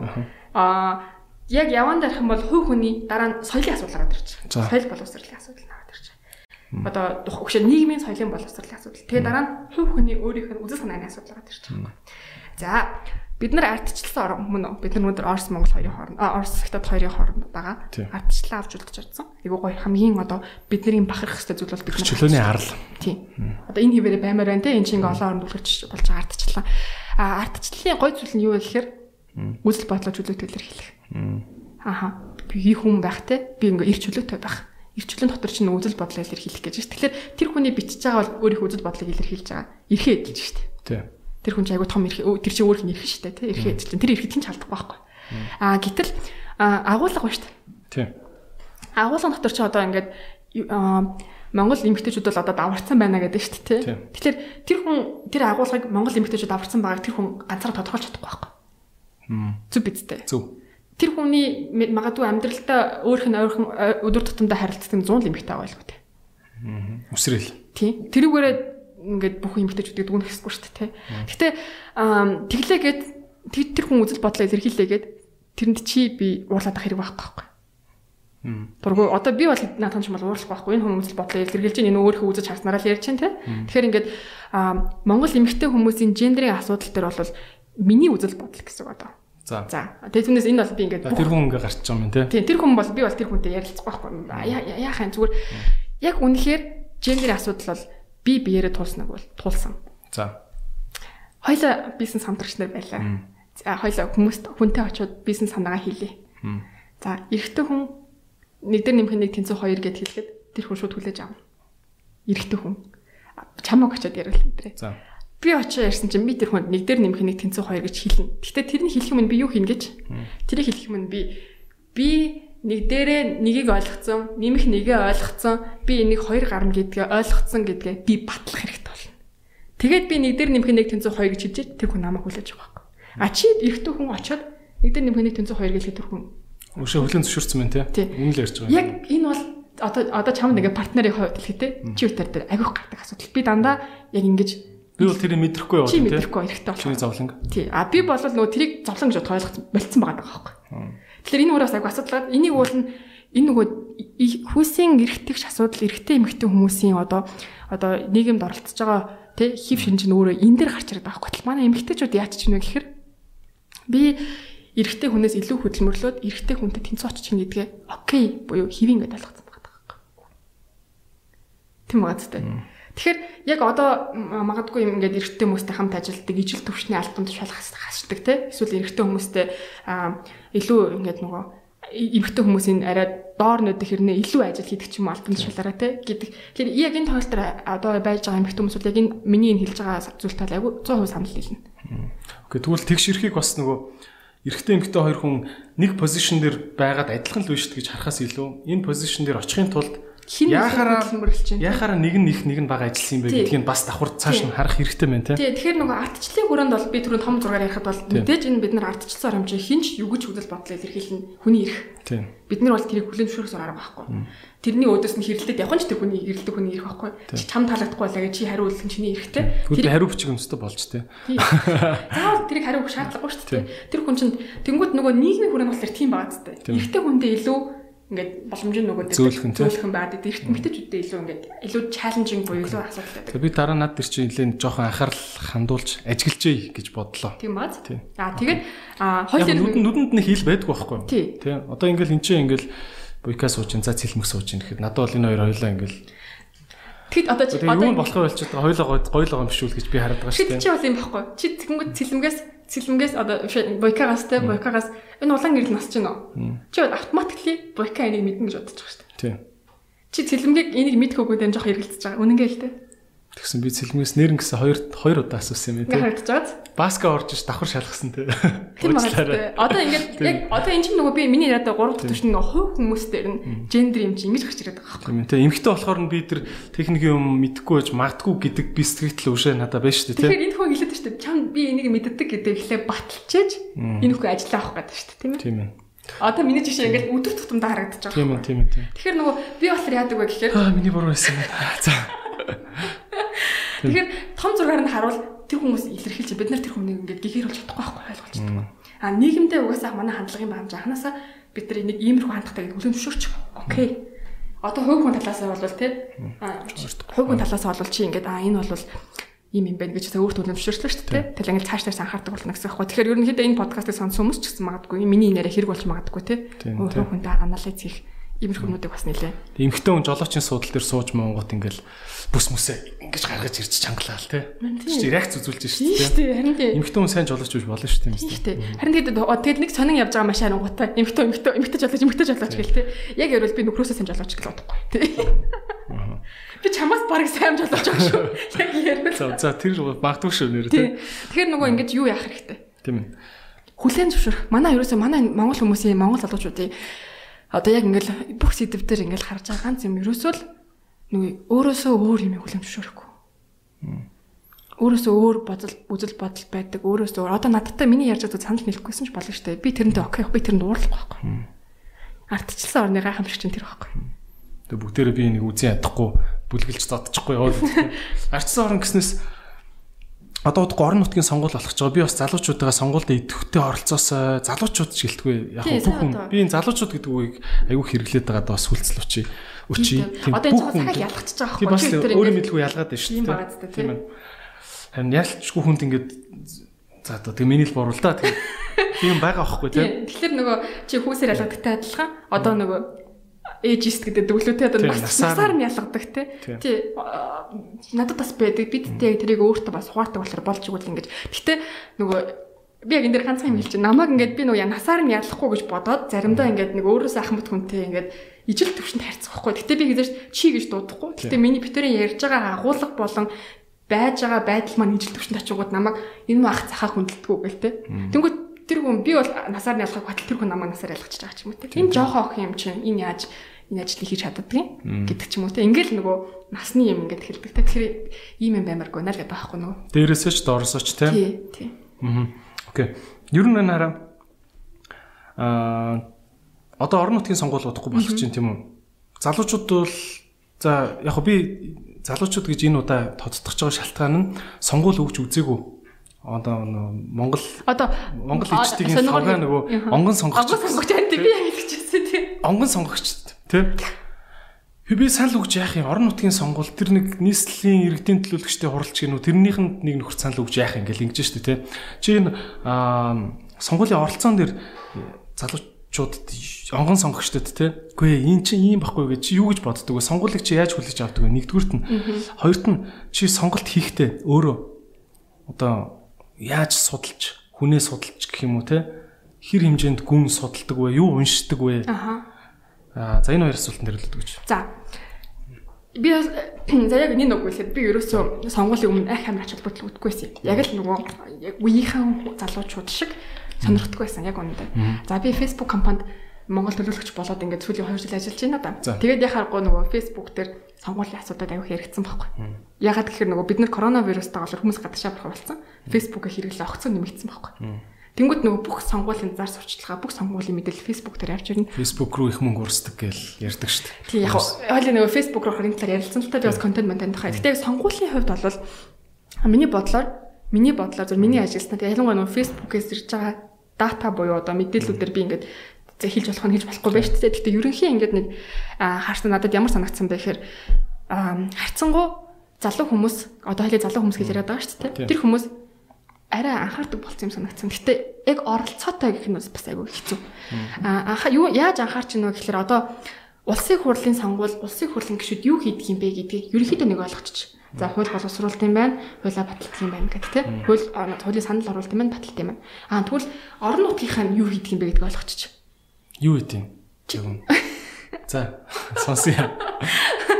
Би бол ойлголттой байгаа өөр гэсэн. Гэхдээ сонсъё. Тий, одоо жишээлбэл одоо нэг сургууль барь, нэг цэцэрлэг барь. Тэгээ нэг ингээд дэд бүтцийн асуудал шийдэглээ нэг гişүү чидэд байдаг шүү дээ. Гэтэл өнөөдөр нөгөө маш их орон нутгийг хөгжүүлэх одоо хөгжүүлэх юм төсвүүд хаанаас батлагдаж гин гэдэг чинь тэндээ шууд батлагддаг. Засаг дарган дараа нь өөртөө мэддэг тэрийг зарсан зохицуулалтаа тий. Одоо нөгөө хуучин бол ингээд нэг нөгөө тойрогоо авсан гişүн л тойрогтой мөнгө тавиулаад ингээд хийж ингэлтгэдэг шүү дээ. Одоо болохоор гэтээ би бас буруу ярьж магадгүй. Тэгэхээр миний миний ойлгосноор шүү. За хоёлаа яг гэж миний ойлгосноор гэж хэлбэл орон нутгийн сонгуулиудыг би бас сонирхдаггүй байж энэ жил айгүй сонирхож байгаа. Өнөөдөр э, хин орон нутгийн одоо засаг дарга болоод те одоо яг ингээд тэр орон Хотын- дарга болоод ч юм уу тэгэхээр тэн дээр чинь нөгөө тухайн хотыг тухайн аймгийг хөгжүүлэх төсөв чинь тэнд тавигдаж байгаа. Тэрийг захиран зарцуулах нь тэнд очиж байгаа байхгүй. Төсөв тавихын бол их хурл засгийн газар нь хий чинь захиран зарцуулаад ингээд тэрийг чинь хөгжүүлэх зарцуулга эрхийг чинь яг боржуур барих юм уу, ус зайлуулагч барих юм уу, фонтан барих юм уу гэдэг дээрээ тулахаараа Аа. ус төрчөөгүй шүү. Тэгэхээр тэрийг нэг мэдчих юм чи одоо ингээд би мянга усан орилгоор бариулахгүй гэж тэмцээд би яах юм бэ? Тийм биз. Гэтэл бид нар тэндэг тиймэрхүү бодлогыг гаргаж байгаа хүнийг хэнийг тавих вэ гэдгээ шийднэ гэдэг чинь миний оролцоо байхгүй.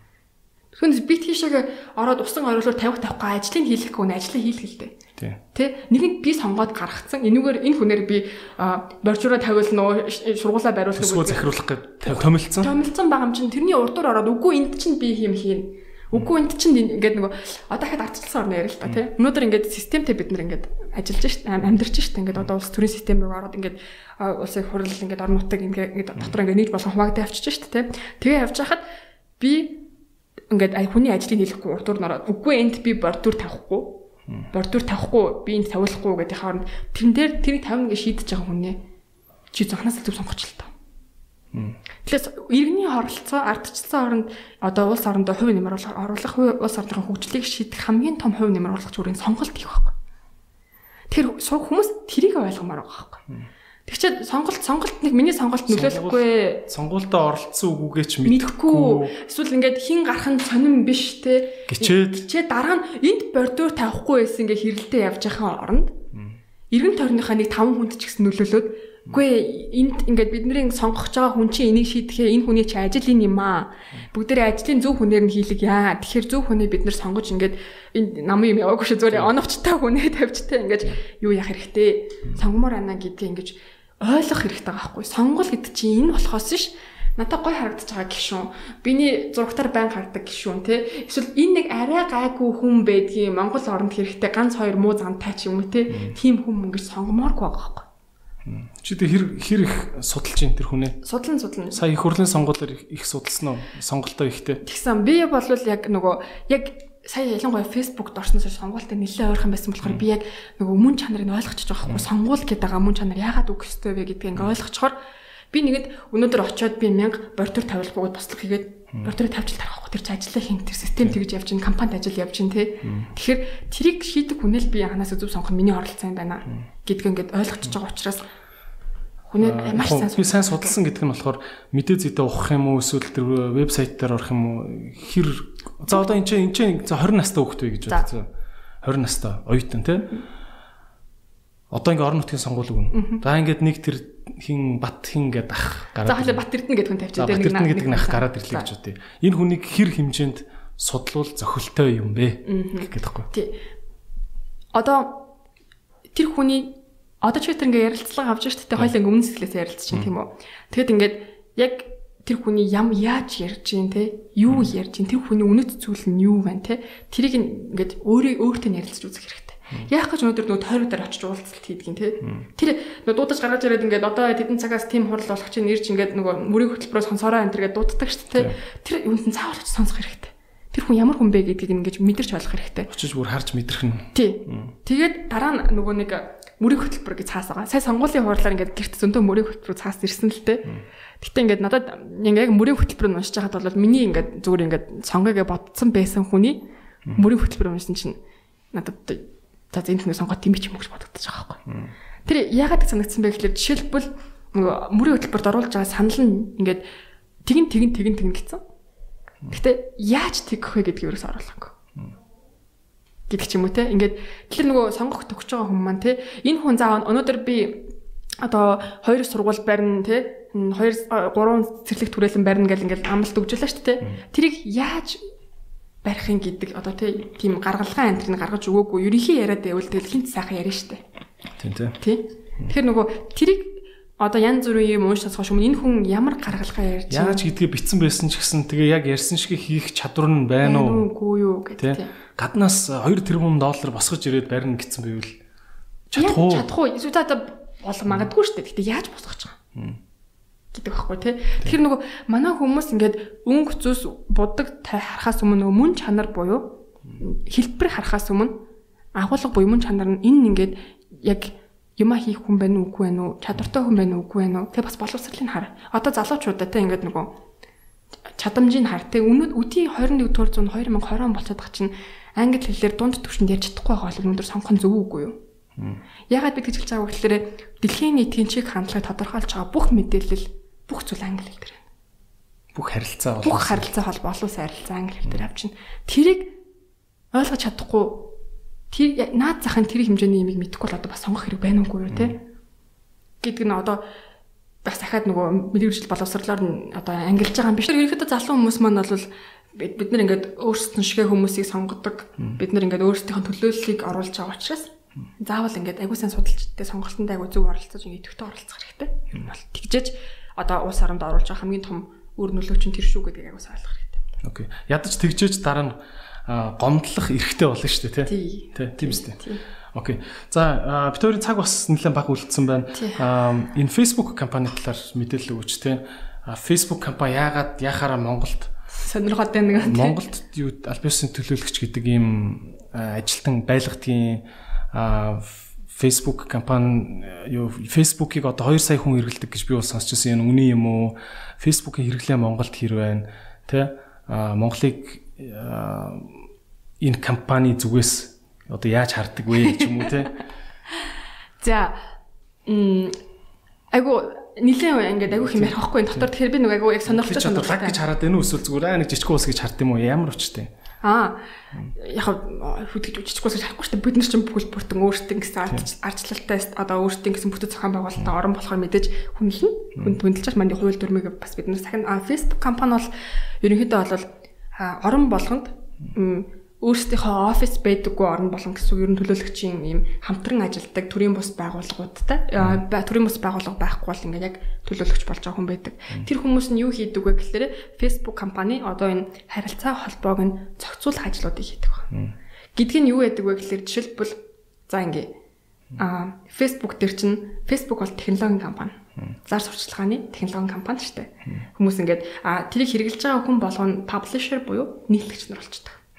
Одоо би Facebook руу пост оруулна гэдэг чинь би нийтлэгч болчихно гэсэн.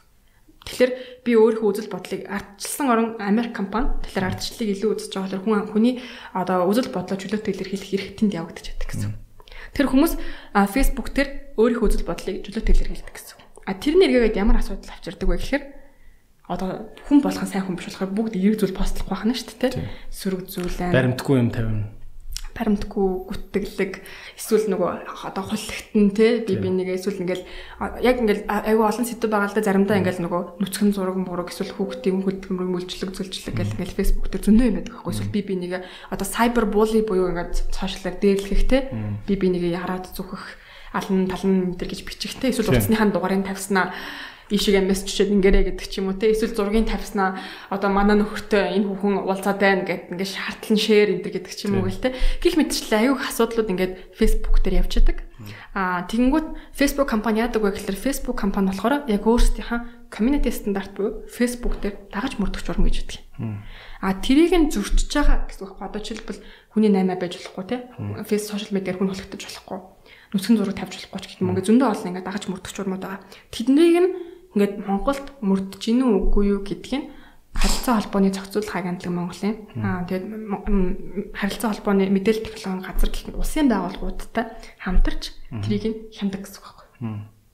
Тэгэхээр нөгөө одоо Facebook дээр жишээлбэл нэг нэг хүний нүцгэн зургийг тавиад те эсвэл ингэж болно шүү дээ. Ингээ чи надад мөнгө өгөхгүй бол би чиний нүцгэн зургийг Facebook дээр чинь тавилаа. Гэрийнхэн ч харна марна тэргээд сүрдүүлэг мөрдүүлэг байна уу тэргээд зөндөө юм. Ингээд бидний мэдэхгүй маш их юм асуудууд явж байгаа байхгүй. Тэднийг нь бид нар ингэж хиндэг болохоор а тэр харилцааг зохион байгуулдаг төлөөлөгч хэрэгтэй байдаг. Хянана гэдэг нь юу гэсэн үг вэ? Харж идэг гэсэн үг. Тэг устгах шүү дээ репортлоо. Тэг одоо тэр гараад ирсэн байв лөө. Ани репорт гэдээ дардсан шүү дээ. Тийм. Тэгэхээр эдгээр репортууд чи ирж хахад чинь тэр чинь ингэж нөгөө контент reviewer гэж шүү мэдээж нөгөө контентуудыг ингэж хяндаг хүмүүс аж тэр чинь тэгэхээр Монгол контентууд чинь Монгол хэл дээр гараад ирдэг. Тэгэхээр тэр Америкт сууж байгаа тэр хяндаг репорт гэдээ явуулчихаар хяндаг баг нь хэн чадах байлээд шүү дээ. Тий яг тэгэхээр зургийн контент бол автоматикли бид нэр өөрсдөө дааш мөрдөж юм бол устгах авчин гэтэл нөгөө текст нь асуудалтай ч юм уу тий. Эсвэл нөгөө зурган дээр монголоор бичсэн тэр байвал ингээд Тэгэхээр чи нөгөө айгүй ажилтаа байгаа даа Монгол талаасаа тий. Тэгэхээр ингээл хилнээс авахгүйл зөндөө юм ба. Тэгээ Facebook компани бол Монголтай одоо Монгол руу орж ирээд одоо 2 жил болж байна. Монголыг ингээд сонирхоод ингээд одоо Facebook Монголд ингээд хэрхэн оновчтой зөв хэрэгжих вэ? Яаж бид нарт нийгэмд эрэг зүйлийг хийх вэ тий? Яаж бид нар Монгол хүмүүст ингээд Facebook-ыг одоо зөв ашиглуулах вэ гэдэг юм уу тий? Тиймэрхүү талаас нь ингээд ажилтдаг болохоор бид нар одоо төлөөлөгч гэж байлгаад ингээд харилцаануудыг хийгээд энэ дагуу одоо саяны дээр нөгөө сургалт хийгээд байгаа шүү дээ нөгөө захин бичиг том бичиг үсгтний сургалт гэхэд тим сургалт хийгээд явж байгаа. Ер нь бол тэнгууд одоо ингээд байхгүй юу? Одоо миний хайгуу фэйсбүүк дээр айгуу сонирхолтой тулж байгаа юм бол одоо контентын асуудал байгаа байхгүй. За. За чи цэлмгийг чи ирчлөөгөө хэлээд цэлмэг оо 100 сая төгрөг авсан гэж бичсэн гэж бодё пост биччихлээ шүү дээ. Гүтгээд те. Тэнгүү цэлмэг би одоо Facebook гэж бодё те. Чи 100 сая төгрөг авлаа гэж биччихлээ гэж бодсон чинь цэлмэг а над дээр ирээд би 100 сая төгрөг аваагүй байх чи ягаад намайг 100 сая төгрөг авлаа гэж бичиж байгаа. Энэ энэ дээр устгаж үг гэх тэгэн заяа. За тэнгүүт би юу хөө миний байр суурь яах вэ гэхээр те. Идэрод хардах хэрэгтэй их чөлөөгөө илэрхийлсэн. Цэлмэг хэрвээ аваагүй бол тэрийгэ батлаад бас бичих хэрэгтэй. Тийм батлаа батлаа тэрийгэ батлаад надад өгвөл би чи хүн бүтгэцсэн юм чинь би устна гэсэн үг. А тэрийг баталж чадахгүй бол чиний эрхэнд би халтахгүй байхгүй. Мод контент ч айгүй. Тэгэхээр нөгөө контент ямар контентыг устгах ямар контентыг устгахгүй байх гэдэг ч өөр айгуу том асуудал байгаа гэдэг. Тэгэхээр нөгөө Facebook маш их одоо нөгөө хамгийн түрүүний жишээг одоо нөгөө Трампын нэг комментиг нэг статусыг устгаагүй болохоор нөгөө Facebook-ыг одоо адвертизаар сурчлагаан дээр нь ингээд том том компаниуд ингээд бойкот хийгээд байгаа шүү дээ. Хасаад ингээд гэтэл өнөөдөр яг а одоо яг яг бид нар яг энэ тал дээр ингээд бид нарыг ажилуулдаг байхгүй ингээд ингээд симуляц маягийн юм бидний контент ревьюер болгоод симуляц маягийн юмнаар ингээд хийлгэдэг байна. Тэнгүүд чи нэг подолк хүмүүсийн зураг хийсэн гэж бодъё заяа. За. Чиний подолкон дээр чинь ингээд kill all men гэж бичсэн байж. Оо яана. За. Тэгээ нөгөө тэгээ зураг нь болохоор хөөрхөн цэцэг барьсан хүүхэд. Аа. Тэмээд энэ зүгээр чиний бодолк байхгүй. Тэр нэг цэцэг барьсан хөөрхөн хүүхэдтэй энэ тэгсэн чинь текст цэцэн дотор нь ч юм уу kill all men гэсэн тий. Гэхдээ тэр нь ингээд тоглож хэлээд байгаа мó. Одоо саркастик буюу ингэж тэ нэг ёжлж хэлээд байгаа мó. Эсвэл үнэхээр ингээд хүмүүсийг айлгаад ингээ хүн болгоныг ал гэж ингээд сүрдүүлээ бичиг байгаа мó тэгсэр нөх хүүхэд цэцэг барьсан байдаг те. Тэгэхээр чи яг ийм зураг хийсэн байсан чинь ингээ хүн чамаг фэйсбүүк руу репортлоо гэж бодъё. За чи ингээ тийм бодол хүмүүсээ гой зураг гэж профайл зураг болгоцсон байлаа заяа. Цэлмэг тэрийг харангуутаа энэ хүмүүсийг аль гэсэн зурагтай бодол хүмүүссэн байна. Энэ фэйсбүүк энийг байлгаж болохгүй устгах над руу репортлоо шүү дээ. Тэгсэн чи би тэрийг чинь чамаг би шоглож хэлсэн юм уу? Ёжиж хэлсэн юм уу? Үнэхээр сүрдүүлээд байгаа бүгд чинь би мэдчих чадахгүй хана шүү дээ. Тэгэхээр би тэрийг устгахчвал чи чи байсан бол устгах уу? Тэстэ мэдгүй юм. Тийм багаз. Тэгэхээр энэ контентыг устгах гэдэг чинь өөрөө айгүй тийм нарийн ажиллагаатай байхгүй. Тэгэхээр тэрийг ялгаж салгана гэдэг чинь өөрөө айгүй амаргүй.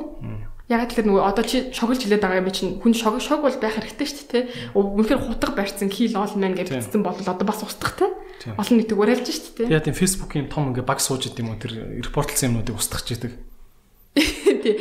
Одоо нөгөө би одоо хамаагүй компани тэг компани ингээ бүтцийг ярьж болохгүй. Гэхдээ ерөнхийдөө бол нэг контент ревю гэдэг чинь ингээ репортод ирж байгаа шүү дээ. Тэднэрийг ингээ юу яадаг юм. Аа аа үзээд одоо эхний ээлж ингээ зураг хаардаг. Тэгээ дараа нь текстийн хэлбэртэй хардаг энэ төр гэдэг ингээд олон давхрын давхархад давхархтай ингээд өөр өөр ажилладаг. Тэр чи тийм үү ингээд гадаадд өөр газар. Гадаадд өөр газар өөр өөр. Бид нар нөгөө 24 цаг цагийн зураг гаргахгүй тулд орон оронд ингээд цагийн зургаараа байж байгаа байхгүй. А бидний хийдэг ажил чи юу гэхээр тэр талын ингээд хүмүүс ингээд апил буюу ингээд дахиж ингээд үгүй нэг устгалмаар тэгээд мэн гомдол санд аль биесээр ингээд газруудад нөхөд нь харилцааг зохицуулдаг. Тэгээд ерөнхийдөө бол Facebook-ийн эерэг хандлагатай ажлуудыг Монголд дэмждэг. Тэнд нь одоо хийхэд тусалдаг тийм гоё ажлууд. Одоо эрүүл мэндийн яам одоо гадаад тэргийн яамд бид нар сайн чаашрын юм бахан сургалт хийгээд байгаа л харагддаг шүү дээ. Тийм тэгэл ингээл яаж хийх вэ? Яаж хаана явна хаана явна гэхээр сургалт хийц явж байгаа юм тийм тийм. Тэгэхээр нэг тиймэрхүү юмнууд аягүй хийн. Тэгэхээр ерөнхийдөө нөгөө хүмүүс над руу орж ирээд энийг усгадаг тэрийг усгадаг би миний ингээд хилдэг юм тэр ахгүй. Би тийм юм хийхгүй нэгдүгээр хоёрдугаар энэ чинь тиймэрийн бодоод байгаа шиг тийм яригт амархан биш ээ тий. Тиймэрхүү юмнууд ер нь бол Facebook бол мэдээж том компани. Тэгээд мэдээ зарч судалгааны компани бүх зүйл Facebook дээр. Монгол хэдэн хэрэгжилж байна? 2.2 сая хүн өдөр тутамдаа яг ингээд идэвхтэй хэрэгэлдэг хэрэгжилж нар л байна. Хөөх мангас юм а тий. Тэгээд ер нь бол яа харахгүй. Тэгээд дээрэс нь Facebook чи Instagram-ыг хөдөлтөд авцсан. Тэгээд Instagram, WhatsApp, Oculus байгаа. Instagram-ыг хэдэн хэрэгжилж байна? Instagram ч бас нэг тэр хавцаа номер тоо гардаг шүү. 1.8 жилөө тийм баг. Бас өндөр тоо гардаг. Бас өндөр тоо гардаг тийм. Яг нөгөө э, хэрэглэгээ болцсон хаймнууд бас айгүйх байгаа шүү дээ. Тэгээд дээрэс нь нөгөө бас юу шүү дээ аа нөгөө яг жоохон залуу үеийн Instagram-ыг хэрэгэлдэг. Илүү одоо нөгөө Тэгэхээр би актив байдаг. Идэвхтэй байдаг Instagram те энэ яг жоохон ахмад насны юмуд нь бол Facebook-ыг бол илүү илэрхийлж байгаа л та. Гэтэ ерөнхийдөө бол бүх мэдээлэл бүх зүйл Facebook дээр байдаг болчихсон те. Хүмүүс ингээд я харахгүй үзэл бодлоо чөлөөлж илэрхийлж байгаа. Гэтэ ер нь бол тийм баа дээ. Ингээд Facebook дээрээс та хараал хартлан шеэр гэсэн юм л айгүй их байдаг. Гэхдээ надад харьцангуй баг болоод байгаа юм шиг санагдаад байна шүү дээ. Би чинь 5000 найзтай байхгүй. Нөө юу байна те. Яг хүмүүс ингээл нэг 100 муу найзтай байхаар яг Facebook нийтдээ ямар байгааг нэг мэдгүй юм шиг байна. Гэхдээ 5000 найзтай байхад яг Facebook-ыг мэдгүй ч гэсэн ер нь бол нэлээд мэдрэмж авч байгаа шүү дээ. Тийм тийм. Надад зүгээр тэр санагдаад байдаг. Харьцангуй Facebook илүү гэгээлэг болоод байгаа юм шиг санагдаад байдаг шүү дээ. Улам юм алиа хошин юм ихтэй. Гоё юм гоё юм мемнүүд айгүйх явдаг Тийм бид нар минуттай юм ихтэй эсвэл би тийм хүмүүстэй нь олоод найзалсан. Өө яг нөө бид нар сая Facebook Монгол руу анхаарал хандуулаад хандуулаад регуляц буюу одоо зохицуулт хийж эхэлж байгаа л да. Тэр бас нөлөөлж байгаа ах. За. Тий. Ерөнхийдөө бол нөгөө одоо Монголыг сонирхоод эхэлж чинь Монголын талаас гарч ирж байгаа ажлууд хийгдэж байгаа гэсэн үг байхгүй. Тэгэхээр ингээд яг ингээд өмнө өмнө 2 жилийн өмнө чиний хардаг байсан тэр одоо сөрөг зүйлүүд ч юм уу те ингээд нөгөө спам одоо ингээд нөгөө одоо спам буюу холигдох мөлгдох те ингээд шеэрлж мэйлүүлэл эсвэл нөгөө ингээд одоо мөнгө төрөг авах маах гэдэг ч юм уу. Те тэд нар ч юм бол яхаарахгүй бид нар нөгөө манай дагаж мөрдөх зурмыг зурчиж байгаа болохоор бид- тэд нар бол ингээ устгагдаад байгаа байхгүй. Өмнө 2 жилийн өмнө бол Facebook-ээс нэг репорт авахд бол тэнд хүлээж авахгүй юм байхгүй. Тэг ингээд нөгөө одоо тэр Монголыг бол тэгэл зүүнд нь хайцсан байсан. тийм. Тэгээ одоо бол ингээ юм чин бас нөгөө ингээд бид нар Тэгэхээр ер нь бол хүмүүс байгаа онцгүй юм харагдвал сайн уухгүй репортлж явах хэрэгтэй юм Тий, тийм. тий. Репортлж бид нарт репорт үжэвэл бид нар тэр шин тэр дорн шүгээд ингээд манай зөрчил устгах зөрчиг бол байж гэн гэсэн үг байхгүй. Тэгэхээр ерөөхдөө хүмүүс ч гэсэн анханасаа тэгэд бас нөгөө хэрэглэгчийн одоо нөгөө боловсрал гэсэн зүйл чинь өөрөө бас ингээд нэг жоохон ингээд масаад байгаад гайг болоод байдаг. Гэхдээ юу шүү 2 сая 2.2 сая хэрэглэгч хахад чам 5000 найз ч харагдаад байна да тий. Тэгэхээр нөгөө алгоритм ажиллаж байгаа. Тэгэхээр чи 5000 найзыг бол харахгүй байгаа. Миний бодлоор чи үсрээд нэг м, 2000 тий 1500-аас нэг 2 за 1000 за 1500 зүрэл их юм тий. Яа чи нөгөө лайк дардаг чи комент чи чиний хайрцдаг хүмүүсийн чи юм чинь чамд харагдана гэсэн үг тэр чи алгоритм байна. Аа тэгээд чамтай нэг хайрцдаг хүмүүс ингээд ньюс үдэ чинь доор яж байгаа байхгүй юу ерөөхдөө. Тэгэхээр нөгөө яг вакуумчсан байдгийн шүү. Би тэрийг бол сонгуулийн өөр өөрөө бүр аягуулсан авахарсан тий. Хүн ер нь тэгэл нөгөө харж байгаа нэг цөөхөн ямаараа нийтийг дүгнэх гээд байдаг хандлагатай тийм тийм. тийм. Тэгэхээр яг нөгөө Facebook дээр байгаа хүмүүс ч гэсэн яг тэрийг амар сайн ойлгох хэрэгтэй. Яг ингээл өнөөдөр эргэн тойронд байгаа хүмүүсийн ч үзэл бодол мөх нийтийн үзэл бодол биш шүү. Яг тэр Facebook ч өөрөө танд 2.2 сая хүний хандлагыг харуулж чадахгүй байхгүй. Таны харьцаж байгаа тэрийг та хамжихгүй нас чинь ч хүрэхгүй шүү дээ. Ингээл нийтгүүлэл ингээд скроллоод байвал бүр донтох байлгүй дээ. Тэгэхээр ингээд яг ингээд 90 тойрон чинь өөртөө чи ижил үзэл сонирхолтой тий тийм хүмүүсүүдийн 100 хүн л байгаа шүү дээ яг сандар бол тийм байхгүй. Тэгэхээр тэрүүгээр битгий ингэж нийтийн чиг хандлагыг дүгнэрээ тий. Тиймэрхүү юмыг бол бас айгуус ойлгох хэрэгтэй. Окей. За тэгээ өнөөдөр эпизод маань харамсалтай цаг маш тулж байна. Гэхдээ би спонсороо дахин нэг танилцуулмаар байна. Тэгээд манай спонсор Impact Mints гэдэг Германы Германы зах зээл дээр ер нь ноёлдог ийм гой карманд багтдаг жижигхэн ширхэгтэй Монсийнхаа оруулж ирж байгаа. Тэгээд энэ эмхтэй загвар нь байгаа. Тэгээд энэ эрэгтэй загвар нь байгаа. Манай дугаарыг ивент тэтгэж байгаа маа. Тэгээд Экос ус бас баярлалаа. Зөөлөн ус байгаа. Та бүхэн хотоодны асуудалтай хүмүүс ялангуяа зөөлөн ус ууж байгаарай гэж хэлмээр байна. За тэгээд найзтайгаа бас сайхан буу халлаа. Тийм байна. Тэглээ. Аа тэгээд их завгүй гадуур яваад байгаа харагддгийн тэгээд амжилт хүсье. Баярлалаа. Амжилт хүсье бас ер нь зөвхөн ажил төрлөх гэдэг хэлтгүү бас тийм. Хувийн амьдрал яг ээж болсноор маш их бахархаж байгаа. Баярлалаа. Харин тэгээд нэг хэлээрэй тий. Ээж болно гэдэг чи одоо туйлын том гавь шүү дээ тэгээд тий. Тэгээд эрүүл энхийг хүсье. Баярлалаа. Чамд бас амжилт хүсье те гоё подкаст хийж гин бас ингээд олон янзын хүмүүсийг үзэл бодлыг бусдтай хуваалцж гин те. Эн чинь бас өөрөө айгуу том буян. Эн чинь өөрөө бусад хүмүүст юм мэдүүлнэ гэдэг чинь өөрөө айгуу том одоо буян Ээ, баггүй. Тэгэхээр нөгөө бас ийм ажил хийхлүүлсэн чинь маш их баяртай байна. Тэг амжилт хүсье. Урьж оролцуулсанд баярлалаа. За окей тэгээд бэм жаргалтай баярлалаа үзэгч нартаа бүгдэнд нь баярлалаа.